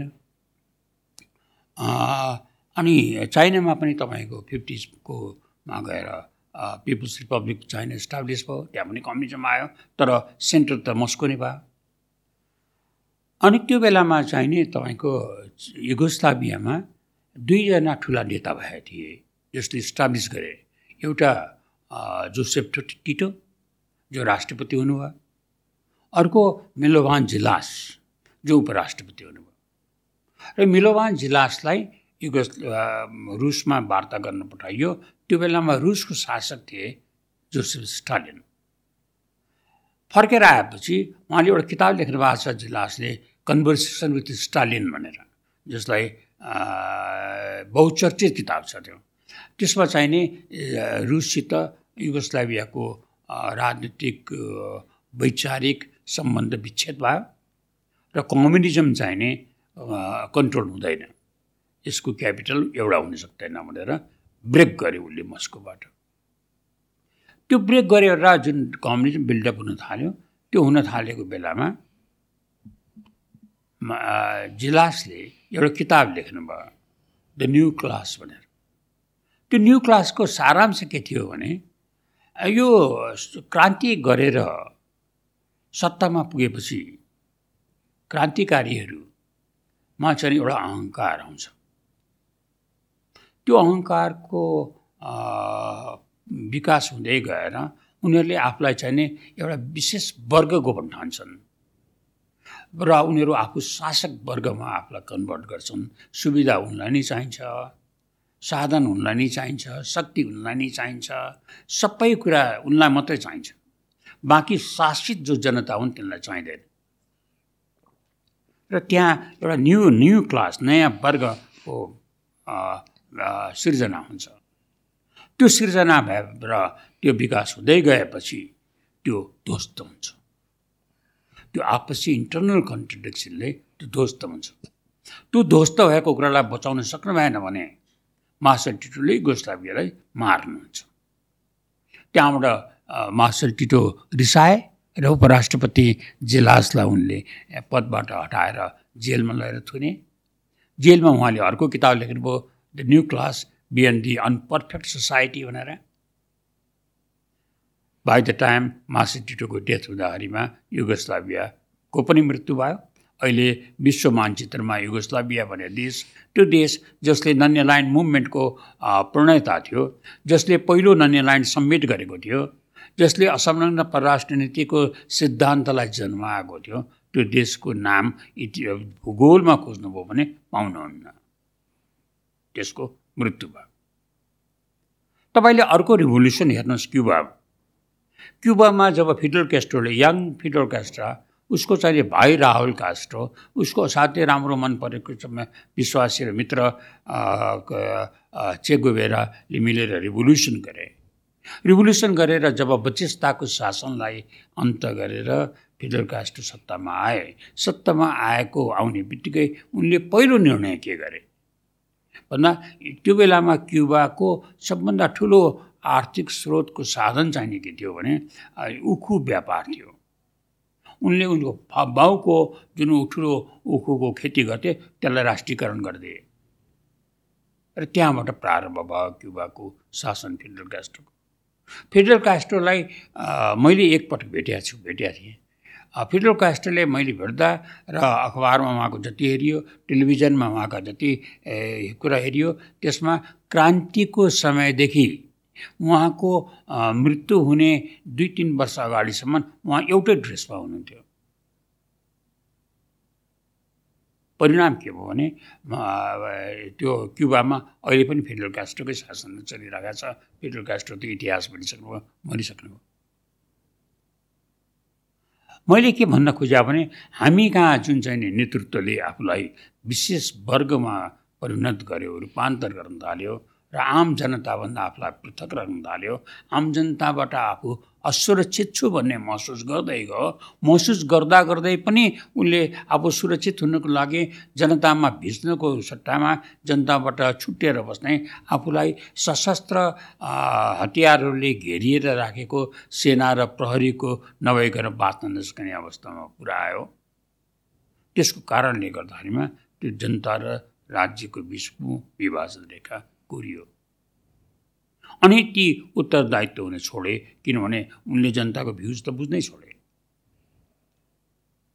अनि परिणाम के भयो भने उनीहरूले मैले जे गरेँ पनि हुन्छ भन्नेमा गयो जुन जे गरे पनि हुन्छको कारण हो नेपालमा समाधान नभएको निर्कोलो ननिस्किएको कानुन निष्क्रिय भएको काण्डहरूको फेरिस्त बढेर गएको छ। जसले गर्दा नेपाल कमजोर भएर गएको छ। त्यो नेपाल त्यसरी कमजोर भएर गएको हुनाले। यो विश्व समुदायलाई खास गरेर नेपालमा स्ट्राटेजिक इन्ट्रेस्ट भएका राष्ट्रहरूको लागि नेपाल असुरक्षित भयो। हामीले डराउनु पर्ने कारण के छ भने के चाहिँ यो नेपाली जनताको लागि हितको लागि नेपालको सुरक्षा र हितको लागि नेपालमा राजनीतिक स्थायित्वको आवश्यक हुन्छ। तर यी स्ट्राटेजिक इन्ट्रेस्ट भएका विदेशी शक्तिहरूको लागि नेपालमा नियन्त्रित राजनीतिक अस्थिरता भएको उनीहरूलाई अनुकूल हुन्छ। म तपाईँलाई दुईवटा नेपालको चित्र सरसर्ती यहाँ कोरेर देखाउँछु। पहिलो नेपालको चित्र देखाउँछु म तपाईँलाई। पहिलो नेपालको चित्र के हो भने यो हाम्रो जो युवा पुस्ता हुनुहुन्छ उहाँहरूलाई मेरो आग्रह के छ भने एकदम आत्मविश्वास राख्नुहोस्। यो नेपालमा त केही पनि भएको छैन। नेपालमा त केही पनि छैन। हामी त गरिब छौँ। हाम्रो त इतिहास पनि छैन। हाम्रो त हामी हेपिएका छौँ भन्ने जुन चाहिँ नि लघुतावास छ इन्फेरिटी कम्प्लेक्स छ त्यसलाई चटक्कै हटाउनुहोस्। र एक काइन्ड अफ सुपेरिटी कम्प्लेक्स सिर्जना गर्नुहोस् भन्नुहोस् कि मेरो जति इतिहास यो क्षेत्रमै कसैको पनि छैन। मैले जति कन्ट्रिब्युसन यो रिजनमा को स्टाब्लिसलाई अरू कुनै देशले गरेकै छैन। त्यो आत्मविश्वास बनाउनुहोस्। र त्यो आत्मविश्वास बनाउनु भयो भने तपाईँलाई एउटा ऊर्जा प्राप्त हुन्छ यो मुलुकको हित गर्नको लागि। म त्यो त्यो ऊर्जाको बारेमा त चर्चा गर्छु। पहिलो चित्र म तपाईँ देखाउन लाग्छु यो दोस्रो विश्वयुद्धको घोषणा भयो ब्रिटिस इन्डियालाई खतरा ब्रिटिस इन्डिया त इन्डिया ब्रिटेन त तपाईँको लडाइँमा गइहाल्यो। नेपालले ब्रिटेनलाई सैनिक सहायता दियो सेना पठायो पैसा दियो बन्दुक बनाउनको लागि काठहरू पनि दियो सबै थोक दियो। र हामी त लडाइँमा संलग्न भइहाल्यौँ। त्यस बेलामा ब्रिटेनले के सूचना पायो भने यो ब्रिटिस इन्डियाको राजधानी दिल्लीमा जापानीहरूको एयर एट्याक हुनसक्छ। भनेर उनीहरूले त्यो सूचना पाएपछि ब्रिटिस सरकारले अमेरिकालाई एयरफोर्सको सपोर्ट माग्यो। अब अमेरिकन एयरफोर्स चाहिँ इन्डियामा आएर बस्यो। त्यो एयरफोर्सले तपाईँको इन्डियाको सुरक्षा राख्न थाल्यो। ठिक त्यही बेलामा दिल्ली असुरक्षित भयो किनभने एयर त एयर त कभर गरिदियो। अमेरिकन एयरफोर्सले ग्राउन्ड त कभर गर्न सकेन। अनि ब्रिटिस सरकारले नेपालको त्यस बेलाका प्रधान मिनिस्टर पद्म शमशेरलाई एउटा चिठी पठायो र भन्यो कि हामीलाई मिलिटरी सपोर्ट चाहियो। नत्र दिल्ली ब्रिटिस इन्डियाको क्यापिटल दिल्ली असुरक्षित छ। हामीले हाम्रो आर्मी पठायौँ। दस बटालियन आर्मी पठायौँ। तर त्यो आर्मी बस्ने ठाउँमै थिएन दिल्लीमा। अनि त्यो बेलामा त्यो आर्मीको जो कमान्ड गरेर गएको बहादुर शमशेर थिए जर्नल थिए उनले हेर्दाखेरिमा त्यो कर्नर प्लेसमा कर्नर प्लेसबाट यता अहिले हाम्रो एमआइसी कहाँ छ नि? कता? के हो दिल्लीमा। बाह्रखम्बा रोडमा। बाह्रखम्बा रोडमा चाहिँ नि उनले ठुलो लाइन फेला पारे। र उसले त्यो लाइन चाहिँ नि हामीलाई उपयुक्त छ भनेर त्यो लाइन लिए त्यहाँ हाम्रो आर्मीको तपाईँको चाहिँ नि हेडक्वार्टर खडा एक दिन चाहिँ त्यहाँ सूचना के प्राप्त भयो भने काठमाडौँमा भने यो अमेरिकन एयरफोर्सले हाम्रो चाहिँ नि बिहा यतातिर एयर स्पेस चाहिँ भाइलेट गरेर उड्न थालेको छ भन्ने। भनेपछि हाम्रो आर्मीको चिफले त्यहाँको कमान्डर बहादुर शमशेर थिए उनले इन् अमेरिकन एयरफोर्सको जनरललाई बोलाएर त्यसलाई मार हप्काए कि who authorise you to violate my air space. Threat गरे उनले। अनि त्यो दिनदेखि लडाइँ विश्व दोस्रो विश्व युद्ध चलेको बेलासम्म नेपालको एयर स्पेस अमेरिकन आर्मीले एयर एयरफोर्सले भोइलेट गरेन। भन्दा कति ठुलो तपाईँको चाहिने सामर्थ्य कति ठुलो आत्मसम्मान कति ठुलो आत्मबल थियो त त्यो बेलाको नेपाल? जस्तै दुईवटा कुरा तपाईँलाई सम्झायो। एउटा कुरा सम्झायो कि हामीले हाम्रो एयर स्पेस कसरी जोगायौँ? एउटा सम्झायो त्यो ब्रिटिस इन्डियाको क्यापिटललाई जोगाउनुको लागि हाम्रो आर्मीले के कन्ट्रिब्युसन गर्यो। दोस्रो म उदाहरण यहाँ पनि बताउँ। नाइन्टिन फोर्टी सेभेनमा भारत इन्डिपेन्डेन्ट भयो। हामीले त्योभन्दा अगाडि नै ब्रिटेनसित डिप्लोमेटिक रिलेसन हाम्रो थियो। हामीले अमेरिकासित पनि डिप्लोमेटिक रिलेसन इस्टाब्लिस गर्छौँ। भारत त तेस्रो मुलुक हो हामीले कुटनैतिक सम्बन्ध राखेको। अनि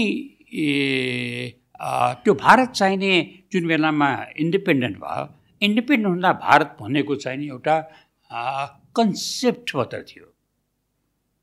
त्यो साकार रूप थिएन। त्यहाँ छ सय पैँसठीवटा राज्यहरू थिए जसमध्ये धेरै जसो राज्यहरूको आन्तरिक शासन व्यवस्था उनीहरूको आफ्नै त्यहाँका शासकहरूले गरिरहेको थिए। कोही नवाब थिए कोही राजा थिए कोही चाहिने कोही थिए उनीहरूले चलिरहेका थिए। ती सबैलाई यो आफै आत्मनिर्णयको अधिकार छोडिदिएर ब्रिटिसले हटिदिएको थियो। तिनीहरूलाई युनिफाई गरेर युनियन अफ इन्डियाको रचना गर्नलाई भारतको नयाँ सरकारलाई गाह्रो भइरहेको थियो।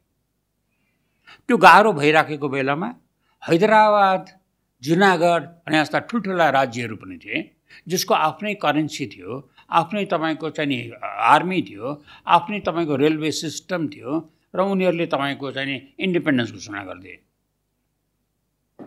र युनाइटेड नेसन्सको मेम्बरसिपको लागि एप्लाई पनि गरे। अब के गरी त्यो मुलुकहरू चाहिँ नि इन्डिपेन्डेन्ट भइदियो भने युनियन अफ इन्डिया गठन हुने सम्भावनै भएन।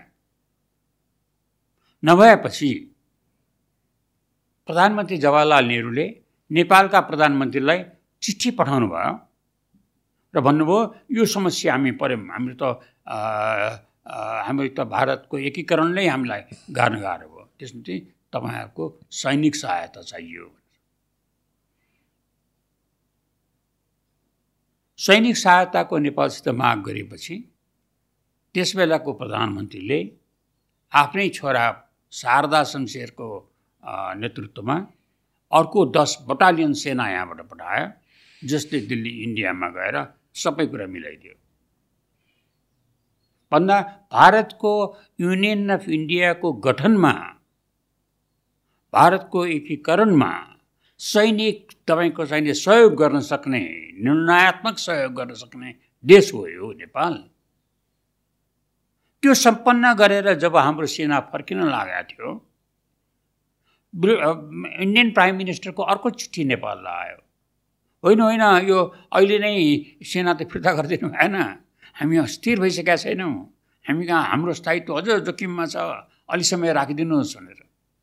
अनि हामीले हाम्रो काम सम्पन्न भइसकेपछि पनि अझै केही समय हामीले हाम्रो आर्मी राख्यौँ। र हामीले कन्ट्रिब्युट गर्यौँ त्यसमा हाम्रो इतिहास कमजोर छैन। हामीले दक्षिण एसियामा दिएका कन्ट्रिब्युसन्सहरू सामान्य मामुली चान्चुने कन्ट्रिब्युसन गरेका छैनौँ। तर हामीलाई के छ भने हामीले बिस्तारै बिस्तारै आत्मबल गुमाउँदै गयौँ। हामी कमजोर हुँदै गयौँ। हामीले हामी चाहिने आफ्नो तागत चाहिने हामीले बिर्सिँदै गयौँ। त्यसले गर्दाखेरि अहिले कम्प्लेक्स हुँदा आयो यी सब कुराहरू भन्छ। हामीले जियोग्राफीको दुरुपयोग गऱ्यौँ time and again. Over use गर्न थाल्यौँ। त्यसले त्यसलाई त्यसलाई रोक्ने काम मूलत अहिलेको युथहरूको हो बिकज यो अहिलेको लिडरसिप भने यी त पास्टका हुन्। म भने त आजको हुँ। युथ भने त भोलिको हो। हिस्ट्री त उनीहरूको हो। फ्युचर त उनीहरूको हो। नेपाल बाँच्नु त उनीहरूको निम्तिमा पर्छ। त्यसमा युथहरूले यो इन्हेरिट गर्नु पऱ्यो हाम्रो लिगेसीलाई हाम्रो कन्ट्रिब्युसन्सलाई हाम्रो आइडेन्टिटीलाई हाम्रो नेसनल तपाईँको ग्लोरियस हिस्ट्रीलाई र त्यसलाई जोगाउनु पऱ्यो र त्यसलाई अझ बलियो बनाएर अर्को जेनेरेसनलाई ह्यान्डओभर गर्ने दायित्व मेरो हो भन्ने रियलाइज गर्नु पऱ्यो त्यसको निम्तिमा दायित्व वहन गर्नको निम्तिमा भूमिका लिनको निम्तिमा अघि सर्नु मैले डार्क हिस्ट्रीका इतिहासका धेरै डार्क साइडहरू अहिले मैले भने तपाईँलाई ब्राइट साइडमा तपाईँलाई बताउँ एउटा। तपाईँको के भने चाहिने यो उनासी गएको अहिले गएको दसैँ जो ताक वर्ल्ड ब्याङ्कबाट नेपालमा एक्सपर्टहरूको एउटा टिम थियो।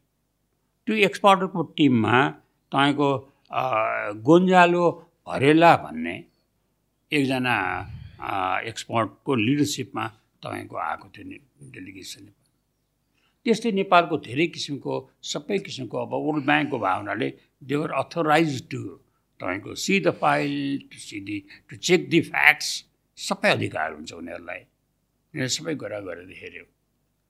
हेरेर के निर्कलोमा पुग्यो भने नेपालमा नेपाल अत्यन्तै पोटेन्सियल छ इकोनोमिक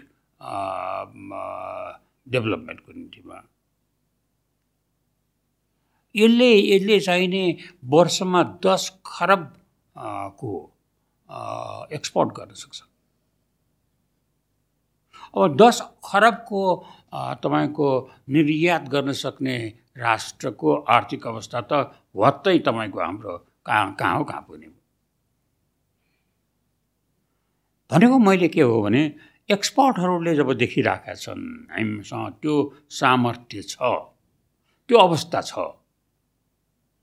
यो त्यही एउटै मुलुक मात्रै हो विश्व इतिहासको विश्वको जोग्राफीमा जो दुई संसारको दुईवटा लार्जेस्ट मार्केटलाई जमिनबाट जोड्ने एउटा मात्रै देश हो। त्यत्रो पोटेन्सियल कन्ट्री यस्तो अवस्थामा बस्नु पर्दैन। त्यसको लिडरसिप लिडरलाई त्यो भिजन भएको त्यो डिटर्मिनेसन भएको त्यो तपस्या गर्न सक्ने आफ्नो स्वार्थ त्याग्न सक्ने लिडरसिप युथहरूले मात्र दिन सक्छ किनभने युथलाई युवा काल भनेको चाहिँ नि के हो भने जसको दायित्व मुलुक बाहेक अरू कतै कसैसँग पनि हुँदैन। उसले परिवार हेर्नु पर्दैन। उसको परिवार बनिसकेका हुँदैन। उसका कुनै उसका असी असीमित चाहनाहरू हुन्छन्। ऊ इतिहासमा आफ्नो नाउँ राख्ने बाहेक अरू कुनै कुसा कुराको ध्याउन्न हुँदैन र जवाबदेही ऊ फ्युच भविष्यमा बाहेक अनुपृततिरको जवाबदेही स्वीकार गर्दैन। त्यत्रो ठुलो चाहिने तपाईँको प्रतिभा भएको तत्परता भएको ऊर्जा भएको जुन पुस्ता छ। त्यो पुस्ता अगाडि सर्यो भने निश्चित रूपमा नेपालको भविष्य छ। नेपाल दक्षिण एसियाको शक्ति केन्द्रको रूपमा इमर्ज गर्न सक्ने क्षमता राख्छ। होइन अहिलेकै नेतृत्वले दिएको खाने अराएको गर्ने प्रवृत्तिबाट त्यो पुस्ता पनि अगाडि बढ्यो भने नेपालको दुर्दिन अवश्य भावी हुन्छ। जुन वान पोइन्ट इन हिस्ट्रीमा इन्डियाको युनिफिकेसनमा यत्रो रोल खेलेको एउटा देश होइन? अहिले आएर बेला बेलामा ब्लकेट हुनुपर्ने कहिले टेरिटोरियल इन्टिग्रिटीको कुरामा चाहिँ कन्सर्न हुनुपर्ने यो स्टेजमा चाहिँ हामी कसरी पुग्यौँ? यसको चाहिने मूल कारण के हो भनेदेखि हामीले हामी नपढ्ने अनुभव नगर्ने अनुभवीसँगको सङ्गत नगर्ने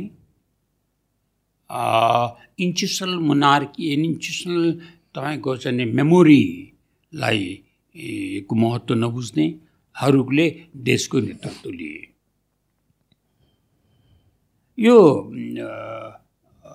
December December November two thousand twenty two नोभेम्बरमा जुन बेलामा भारतका पछिल्लो अहिलेको वर्तमान आर्मी चिफ नेपाल भिजिट गर्न आउनुभएको थियो।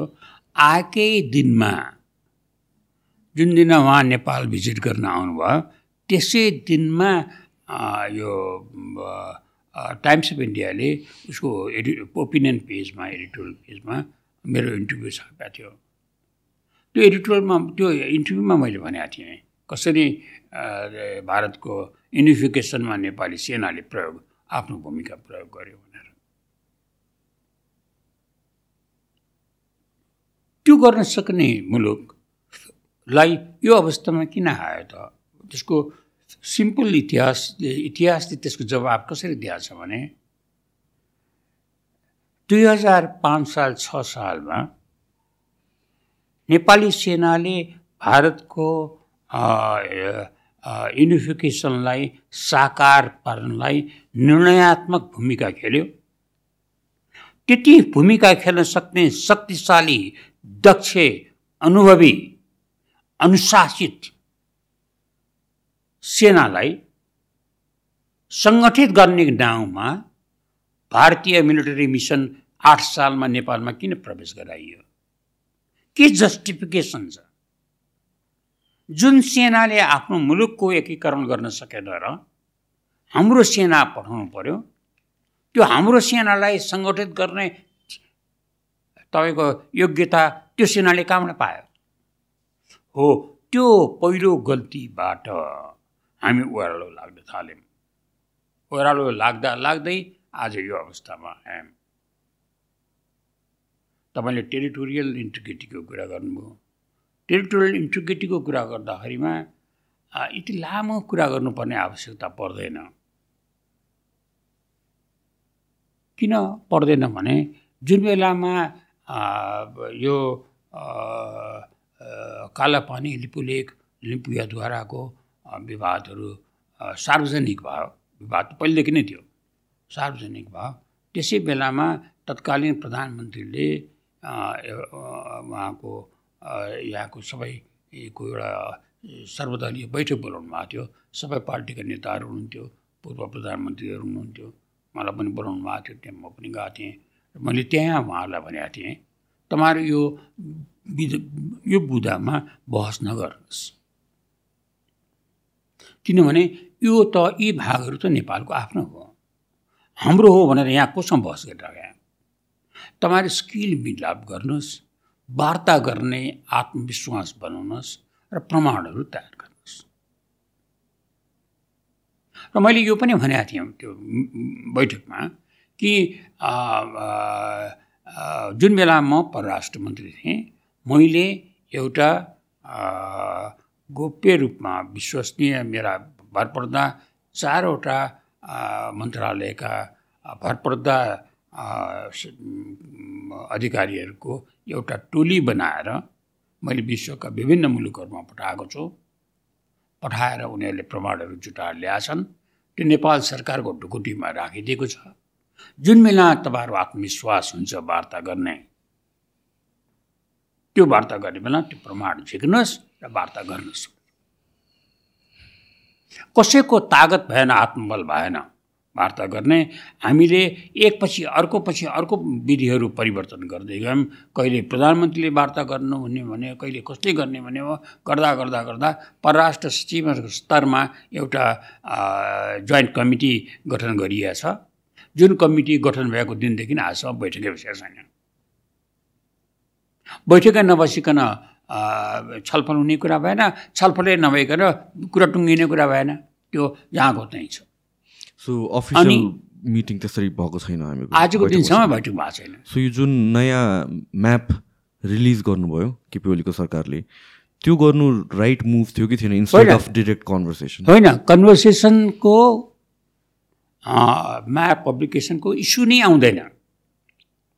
इस्यु कहाँनिर आउँछ भने जुन टेरिटोरी मेरो हो भनेर म दाबी गरिराखेको छु मेरो हो भन्ने कुराको प्रमाण छ कि छैन?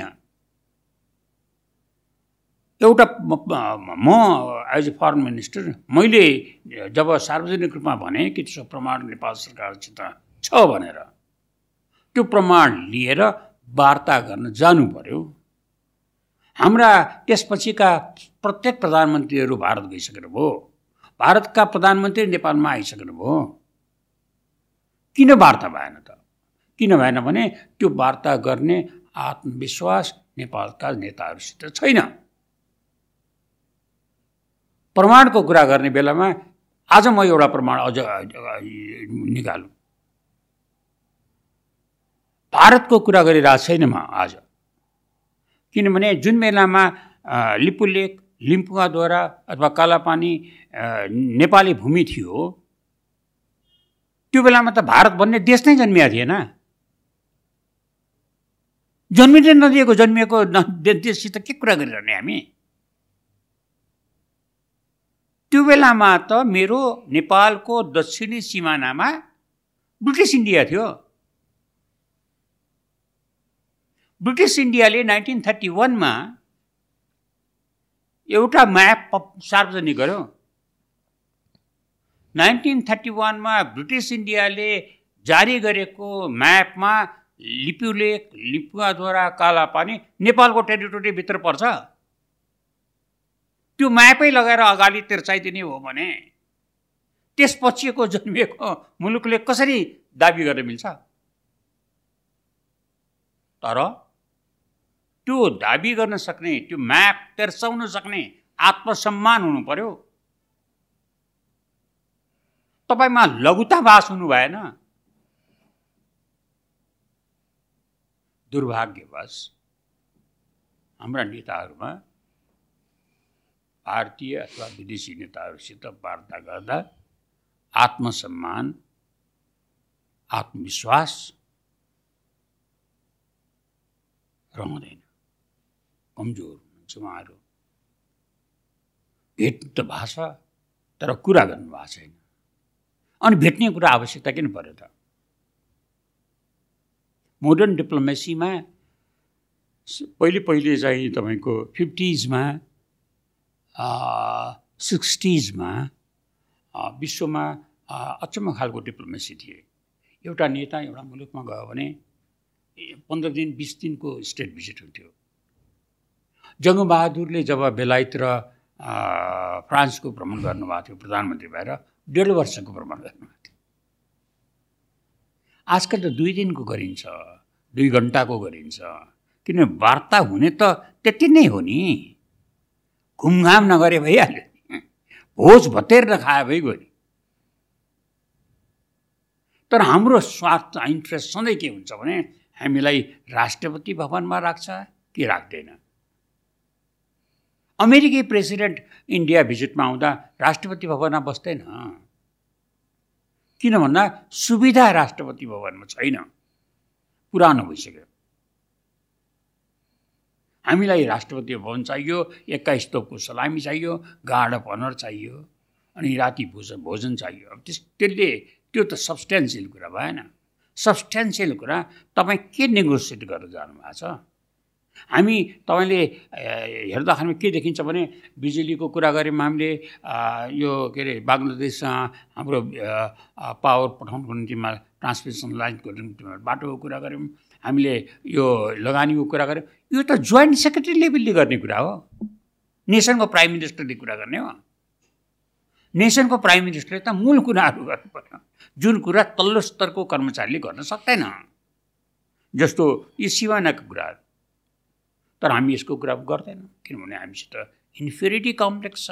इन्फिरिटी कम्प्लेक्स किन छ भने हामीले सत्ताको लागि त्यो भर्याङ जुन छ पावरमा पुग्ने त्यो भर्याङ विदेशी भर्याङ प्रयोग गर्ने गरेका छौँ त्यो भर्याङ झिकिदियो भने हामी झर्छौँ।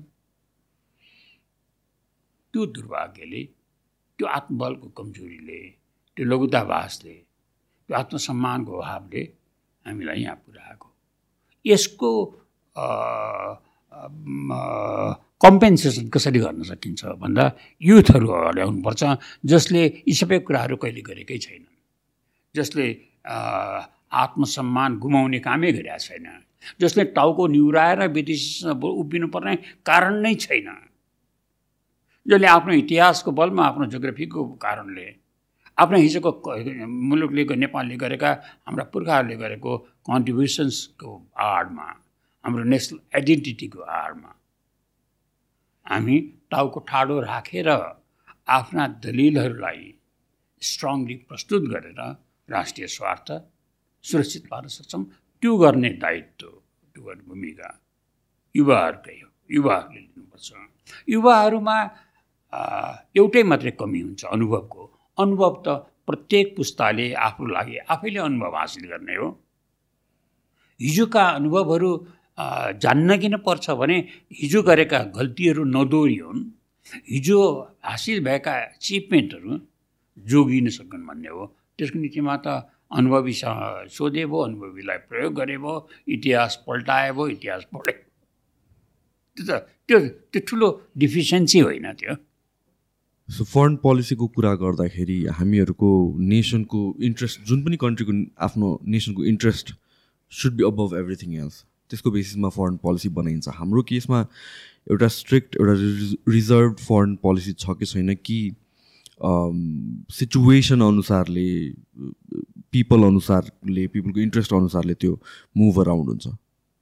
हाम्रो फरेन पोलिसी चाहिँ नेसनको फरेन पोलिसी नभएर नेपालको परराष्ट्र नीति नभएर सत्तामा बस्नेहरूको आग्रह वा पूर्वाग्रह आत्मविश्वास वा लौताभासबाट ग्रस्त भएर त्यो नीति विखण्डित हुँदै गयो खण्डित हुँदै गयो विकृत हुँदै गयो। प्रिन्सिपलमा हामी अड्न छोड्यौँ उदाहरणको लागि नेपालसित कुनै सम्बन्धै नभएको। थ्योरिटिकल मात्रै इन्ट्रेस्ट नेपालको हुने। भेनिजुएला भन्ने देशमा त्यहाँ वैदेशिक हस्तक्षेप भयो। विवादहरू आए। त्यो विवादहरू आइसकेपछि एउटा जुन चाहिने क्राइसिसमा भेनेजुएला गयो त्यसमा त्यस बेलाको नेपाल कम्युनिस्ट पार्टीको सरकार थियो नेपालमा। त्यसका दुईवटा अध्यक्ष थिए। दुईवटा अध्यक्षको दुई किसिमको छवटा सार्वजनिक बयानहरू आए। नेपालको चाहिँ भनाइ कुन चाहिँ नि त? नेपालको भनाइ सत्तारूढ पार्टीको अध्यक्षले भनेको नेपालको भनाइ हो। सत्तारूढ पार्टीको अर्को अध्यक्ष जो प्रधानमन्त्री पनि थिए उनले भनेको नेपालको भ्रमण भ्रमण। कन्फ्युजन भयो रसियाले युक्रेनको क्रिमियालाई एक दिन खाइदियो। युनाइटेड नेसन्स जनरल एसेम्ब्लीमा यसको बारेमा प्रस्ताव आयो। नेपालले त्यसको विरोध गर्यो। क्रिमियालाई रुसले खाएको विरोध गरेर नेपालले जुन स्ट्यान्ड लियो त्यो नेपालको ट्रेडिसनल फरेन पोलिसी जो जो अविच्छिन्नता थियो त्यसको अनुकूल थियो। त्यसपछि जनरल एसेम्ब्लीमा अर्को प्रस्ताव आयो कि यो युक्रेनमा जुन आक्रमण गर्यो रुसले त्यसबाट जो विध्वंसहरू भएका छन् त्यसको कम्पेन्सेट पनि रुसले गर्नुपर्छ। त्यसको दायित्व पनि रुसले दिनुपर्छ भनेर। त्यसमा भोटिङ हुँदा नेपाल एब्सटेन्ट बस्यो। एब्सटेन्ट बस्नु चाहिने सही हो कि गलत हो? गलत थियो। किनभने त्यो अघिल्लो पोलिसीसित मिलेन। नेपालको फरेन पोलिसीको फन्डामेन्टल अडान चाहिँ के हो भने कुनै पनि राष्ट्रकोमा हस्तक्षेप हुनु हुँदैन वैदी कुनै पनि राष्ट्रकोमा आक्रमण हुनु हुँदैन भन्ने थियो। त्यसैलाई त्यसकै असङ्गति भइसकेपछि त्यसको विपरीतमा नेपाल किन उभिन सकेन किन उभिन सकेन भने नेपालको परराष्ट्र नीति आग्रह र अग्रह पूर्वाग्रहबाट सत्तामा बस्ने मानिसहरूको कारणले त्यसमा परिवर्तन गयो। त्यसैले नेपाल कन्फ्युजन भयो। परराष्ट्र नीतिको नीति त मैले अघिदेखि भनिरहेको छु परिवर्तनशील हुँदैन। किनभने यो फरेन पोलिसी भनेकै to look after the national interest हो। नेसनल इन्ट्रेस्ट परिवर्तन हुँदैन। तर त्यसका विधिहरू फरक हुन्छन् त्यसका प्रक्रियाहरू पनि हुन्छन् त्यसका प्राथमिकताहरू पनि फरक हुन्छन्। अब त्यो कन्टेस्टमा मैले भन्दाखेरिमा नाइन्टिन सिक्सटी एटकोमा एउटा घटना भयो। त्यो सिक्सटी एटमा के भयो भने त्यो बेलामा यो एपर्थाइड भन्ने एउटा ठुलो प्रब्लम थियो सारा संसारको कालो मानव सभ्यताको मुखमा पोतिएको कालो दाग थियो। रङ्गभेद नीति भनेर बुझ्छौँ हामी। त्यो रङ्गभेद नीतिको खेल विरुद्धमा सारा विश्वका सभ्य समाजहरू एक थिए। र त्यो जनरल एसेम्ब्लीमा म त्यो बेलामा युनाइटेड नेसन्समा थिएँ। नेपालको प्रतिनिधित्व गरिरहेको थिएँ। त्यहाँ एउटा प्रस्ताव आयो।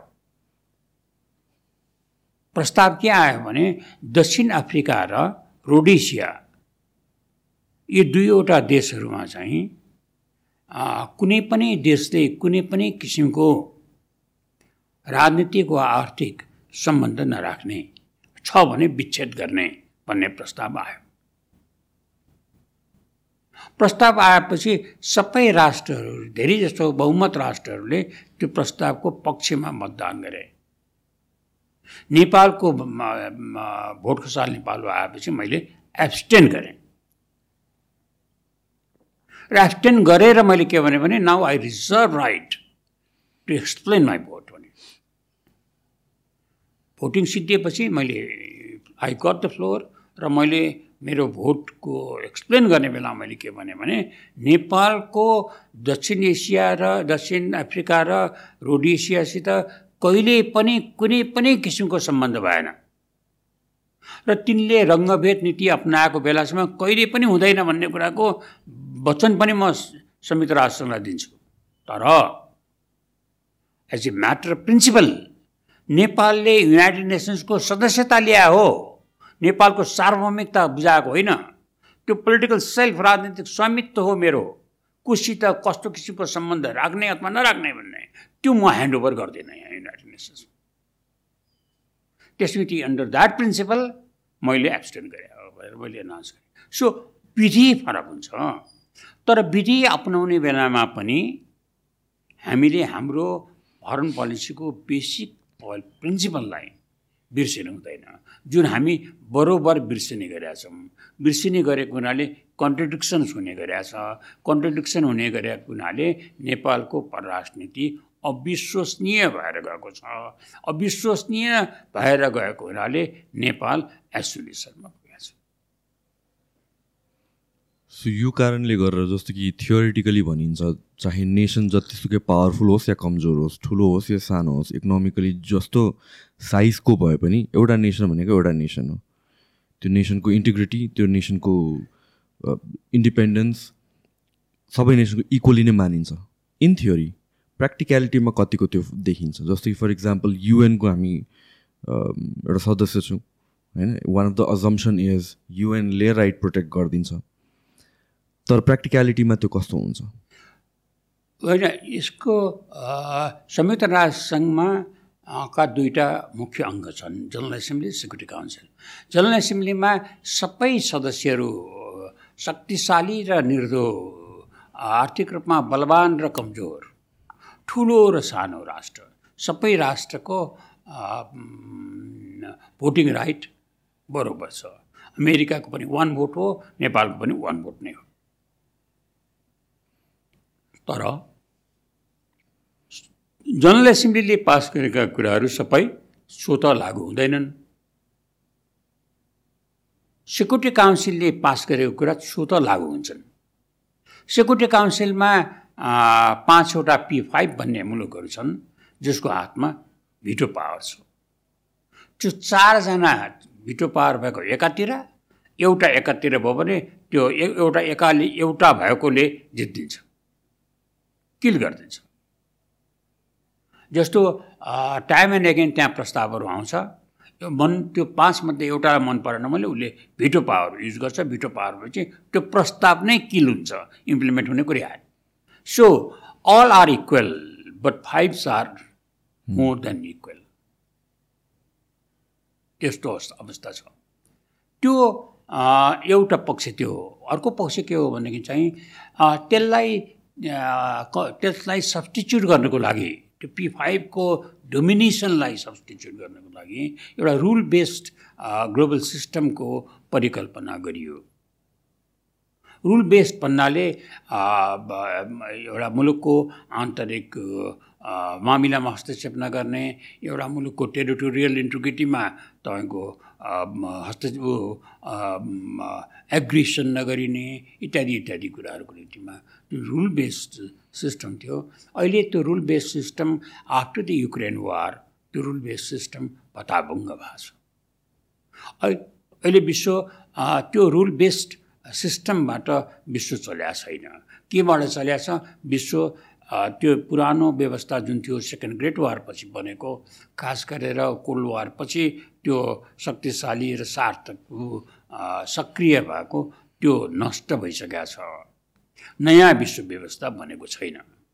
नयाँ विश्व व्यवस्था सिर्जना गर्ने रचना गर्ने क्रममा एउटा भिजन पेपर तयार छ विश्व जनमतको त्यो के अबको विश्व एक ध्रुवीय अथवा दुई ध्रुवीय नभएर बहुध्रुवीय मल्टिपोलर वर्ल्ड हुन्छ। त्यो मल्टिपोलर वर्ल्ड जुन बन्दैछ त्यो रुल बेस्ड वर्ल्ड हुनुपर्छ।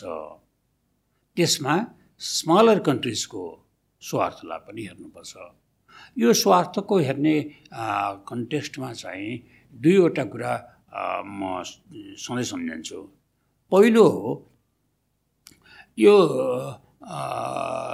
नाइन्टिन एटी एटमा दोस्रो पटक म जब युनाइटेड नेसन्समा गएको थिएँ त्यो युनाइटेड नेसन्समा जाँदाखेरिमा चाहिँ मैले जसलाई सिम्नेमा बोलेको थिएँ कि यो शक्तिशाली राष्ट्रहरू जो छन् आर्थिक रूपमा सम्पन्न राष्ट्रहरू जो छन् विकासको चरम सीमामा पुगिसकेका जो राष्ट्रहरू हुनुहुन्छ तपाईँहरूको वैभव तपाईँहरूको स्थायित्व तपाईँहरूको प्रभाव त्यस बेलासम्म मात्रै इन्ट्याक्ट रहन्छ सुरक्षित रहन्छ। जबसम्म विश्वको एउटा कुनामा भएको एउटा सानो देशमा स्थायित्व हुन्छ सम्पन्नता हुन्छ र उसको ऊ सुरक्षित हुन्छ। जुन बेलामा त्यो सानो राष्ट्र असुरक्षित हुन्छ जुन बेलामा उसको प्रगति रोकिन्छ त्यो बेलामा तपाईँहरूको स्थायित्वमा पनि असर गर्छ। नाइन इलेभेन अमेरिकामा हुनुको अर्थ के हो? किनभने अफगानिस्तान असुरक्षित भएको हुनाले तर यो त मैले भनेको कुरा त एउटा वैचारिक उहाँहरूलाई प्रभाव पार्नको लागि भनिएको हो। यथार्थमा साना राष्ट्रहरू नेपाल जस्तो साना राष्ट्रले रुल बेस्ड वर्ल्डको पक्षमा उभिनुपर्छ। अहिले जुन विश्व व्यवस्थाको रचना हुँदैछ त्यो रचनामा हाम्रो कुनै भूमिका हुँदैन। तर त्यो विश्व व्यवस्थालाई मान्नलाई हामी बाध्य हुन्छौँ। त्यसको असल खराब जे प्रभाव पर्ला त्यो भोग्नलाई हामी त हाम्रो निम्तिमा अरू उपाय छैन।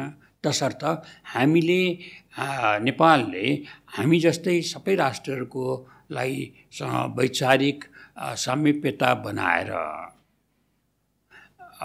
हामीले उनीहरूलाई प्रभाव पार्नुपर्छ कि नयाँ विश्व व्यवस्थाको रचना हुने बेलामा साना राष्ट्रहरूको स्थायित्व सुरक्षा र उनीहरूको उन्नतिलाई सुरक्षित राखियोस्। त्यो कुरालाई त्यसको मूल भाग बनाइयोस् भन्ने कुरामा हामीले प्रभावित पार्नुपर्छ। त्यो पार्न सक्यौँ भने हामीले विश्व सुरक्षित विश्व इन्हेरिट गर्न सक्छौँ।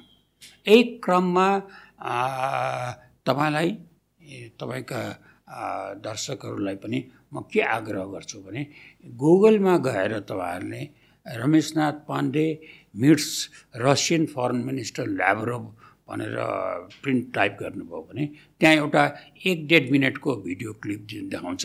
त्यो एपी एसोसिएटेड प्रेस अफ अमेरिकाले राखेको हो त्यो देखिन्छ। त्यसमा के देखिन्छ भने टु थाउजन्ड फाइभमा म जब रुसको अफिसियल भिजिटमा गएको थिएँ। त्यहाँ मेरो र रसियन नेताहरूको बिचमा अफिसियल टक भइराखेको थियो। त्यो टक भइराखेको बेलामा मैले रसियन फरेन मिनिस्टरलाई भनेको कुराको क्लिपिङ छ त्यहाँ। त्यसमा मैले उहाँलाई ल्याब्रोभलाई रसियन फरेन मिनिस्टर जो अहिलेको संसारको सबभन्दा अनुभवी फरेन मिनिस्टर हुनुहुन्छ जो सबभन्दा धेरै लामो समयदेखि परराष्ट्र मन्त्री भएर बस्नु भएको छ उहाँलाई मैले के भनेको थिएँ भने त साना राष्ट्रहरूको स्थायित्व वैभव सुरक्षा। जति बलियो हुन्छ त्यति नै शक्तिशाली राष्ट्रहरूको शान्ति सुरक्षा र वैभव बलियो हुन्छ। यो कुरालाई ध्यानमा दिएर तपाईँहरूले नयाँ विश्व व्यवस्थाको रचना गर्नुहोला भनेको थिएँ। त्यो कुरा लाई हामीले अगाडि सार्न सक्यौँ भने नेपाल सुरक्षित हुन्छ। ओके आई थिङ्क हामीले पिटिमा सबै कभर गऱ्यौँ। Thank you so much for your time thank you so much for the conversation anything लास्टमा केही एड गर्नुपर्ने छ केही छुटेको छ भने मेरो मेरो नेपालको युवा मित्रहरूलाई मेरो हार्दिक शुभकामना छ तपाईँहरू इतिहासले रोजेको पुस्त पुर्खा हुनु पुस्ता हुनुहुन्छ भविष्यको पुस्ता हुनुहुन्छ भविष्य तपाईँहरूको हो तपाईँहरूले निर्माण गर्नुपर्छ त्यो भविष्यको पुस्ता बन्नको लागि इतिहासको अगाडि तपाईँहरू सार्थक साबित हुनको लागि वर्तमानलाई सदुपयोग गर्नुहोस् नेतृत्व अगाडि लिनुहोस्। अनुभव छैन भनेर लघुताभास नबनाउनुहोस्। प्रत्येक पुस्ताले आफ्नो लागि आफ्नै आफैले अनुभव हासिल गर्नुपर्छ र आफ्नो लक्ष्य आफैले तय गर्नुपर्छ। अनुभवका कुराहरू इतिहासमा पाइन्छ। इतिहास पढ्नुहोस्। र त्यसलाई नेसनलको मेमोरीलाई स्मरण शक्तिलाई अविच्छिन्नता निरन्तरता दिनुहोस् त्यसमा हामी बलियो हुन्छौँ। मेरो हार्दिक शुभकामना छ। धन्यवाद। Thank you so much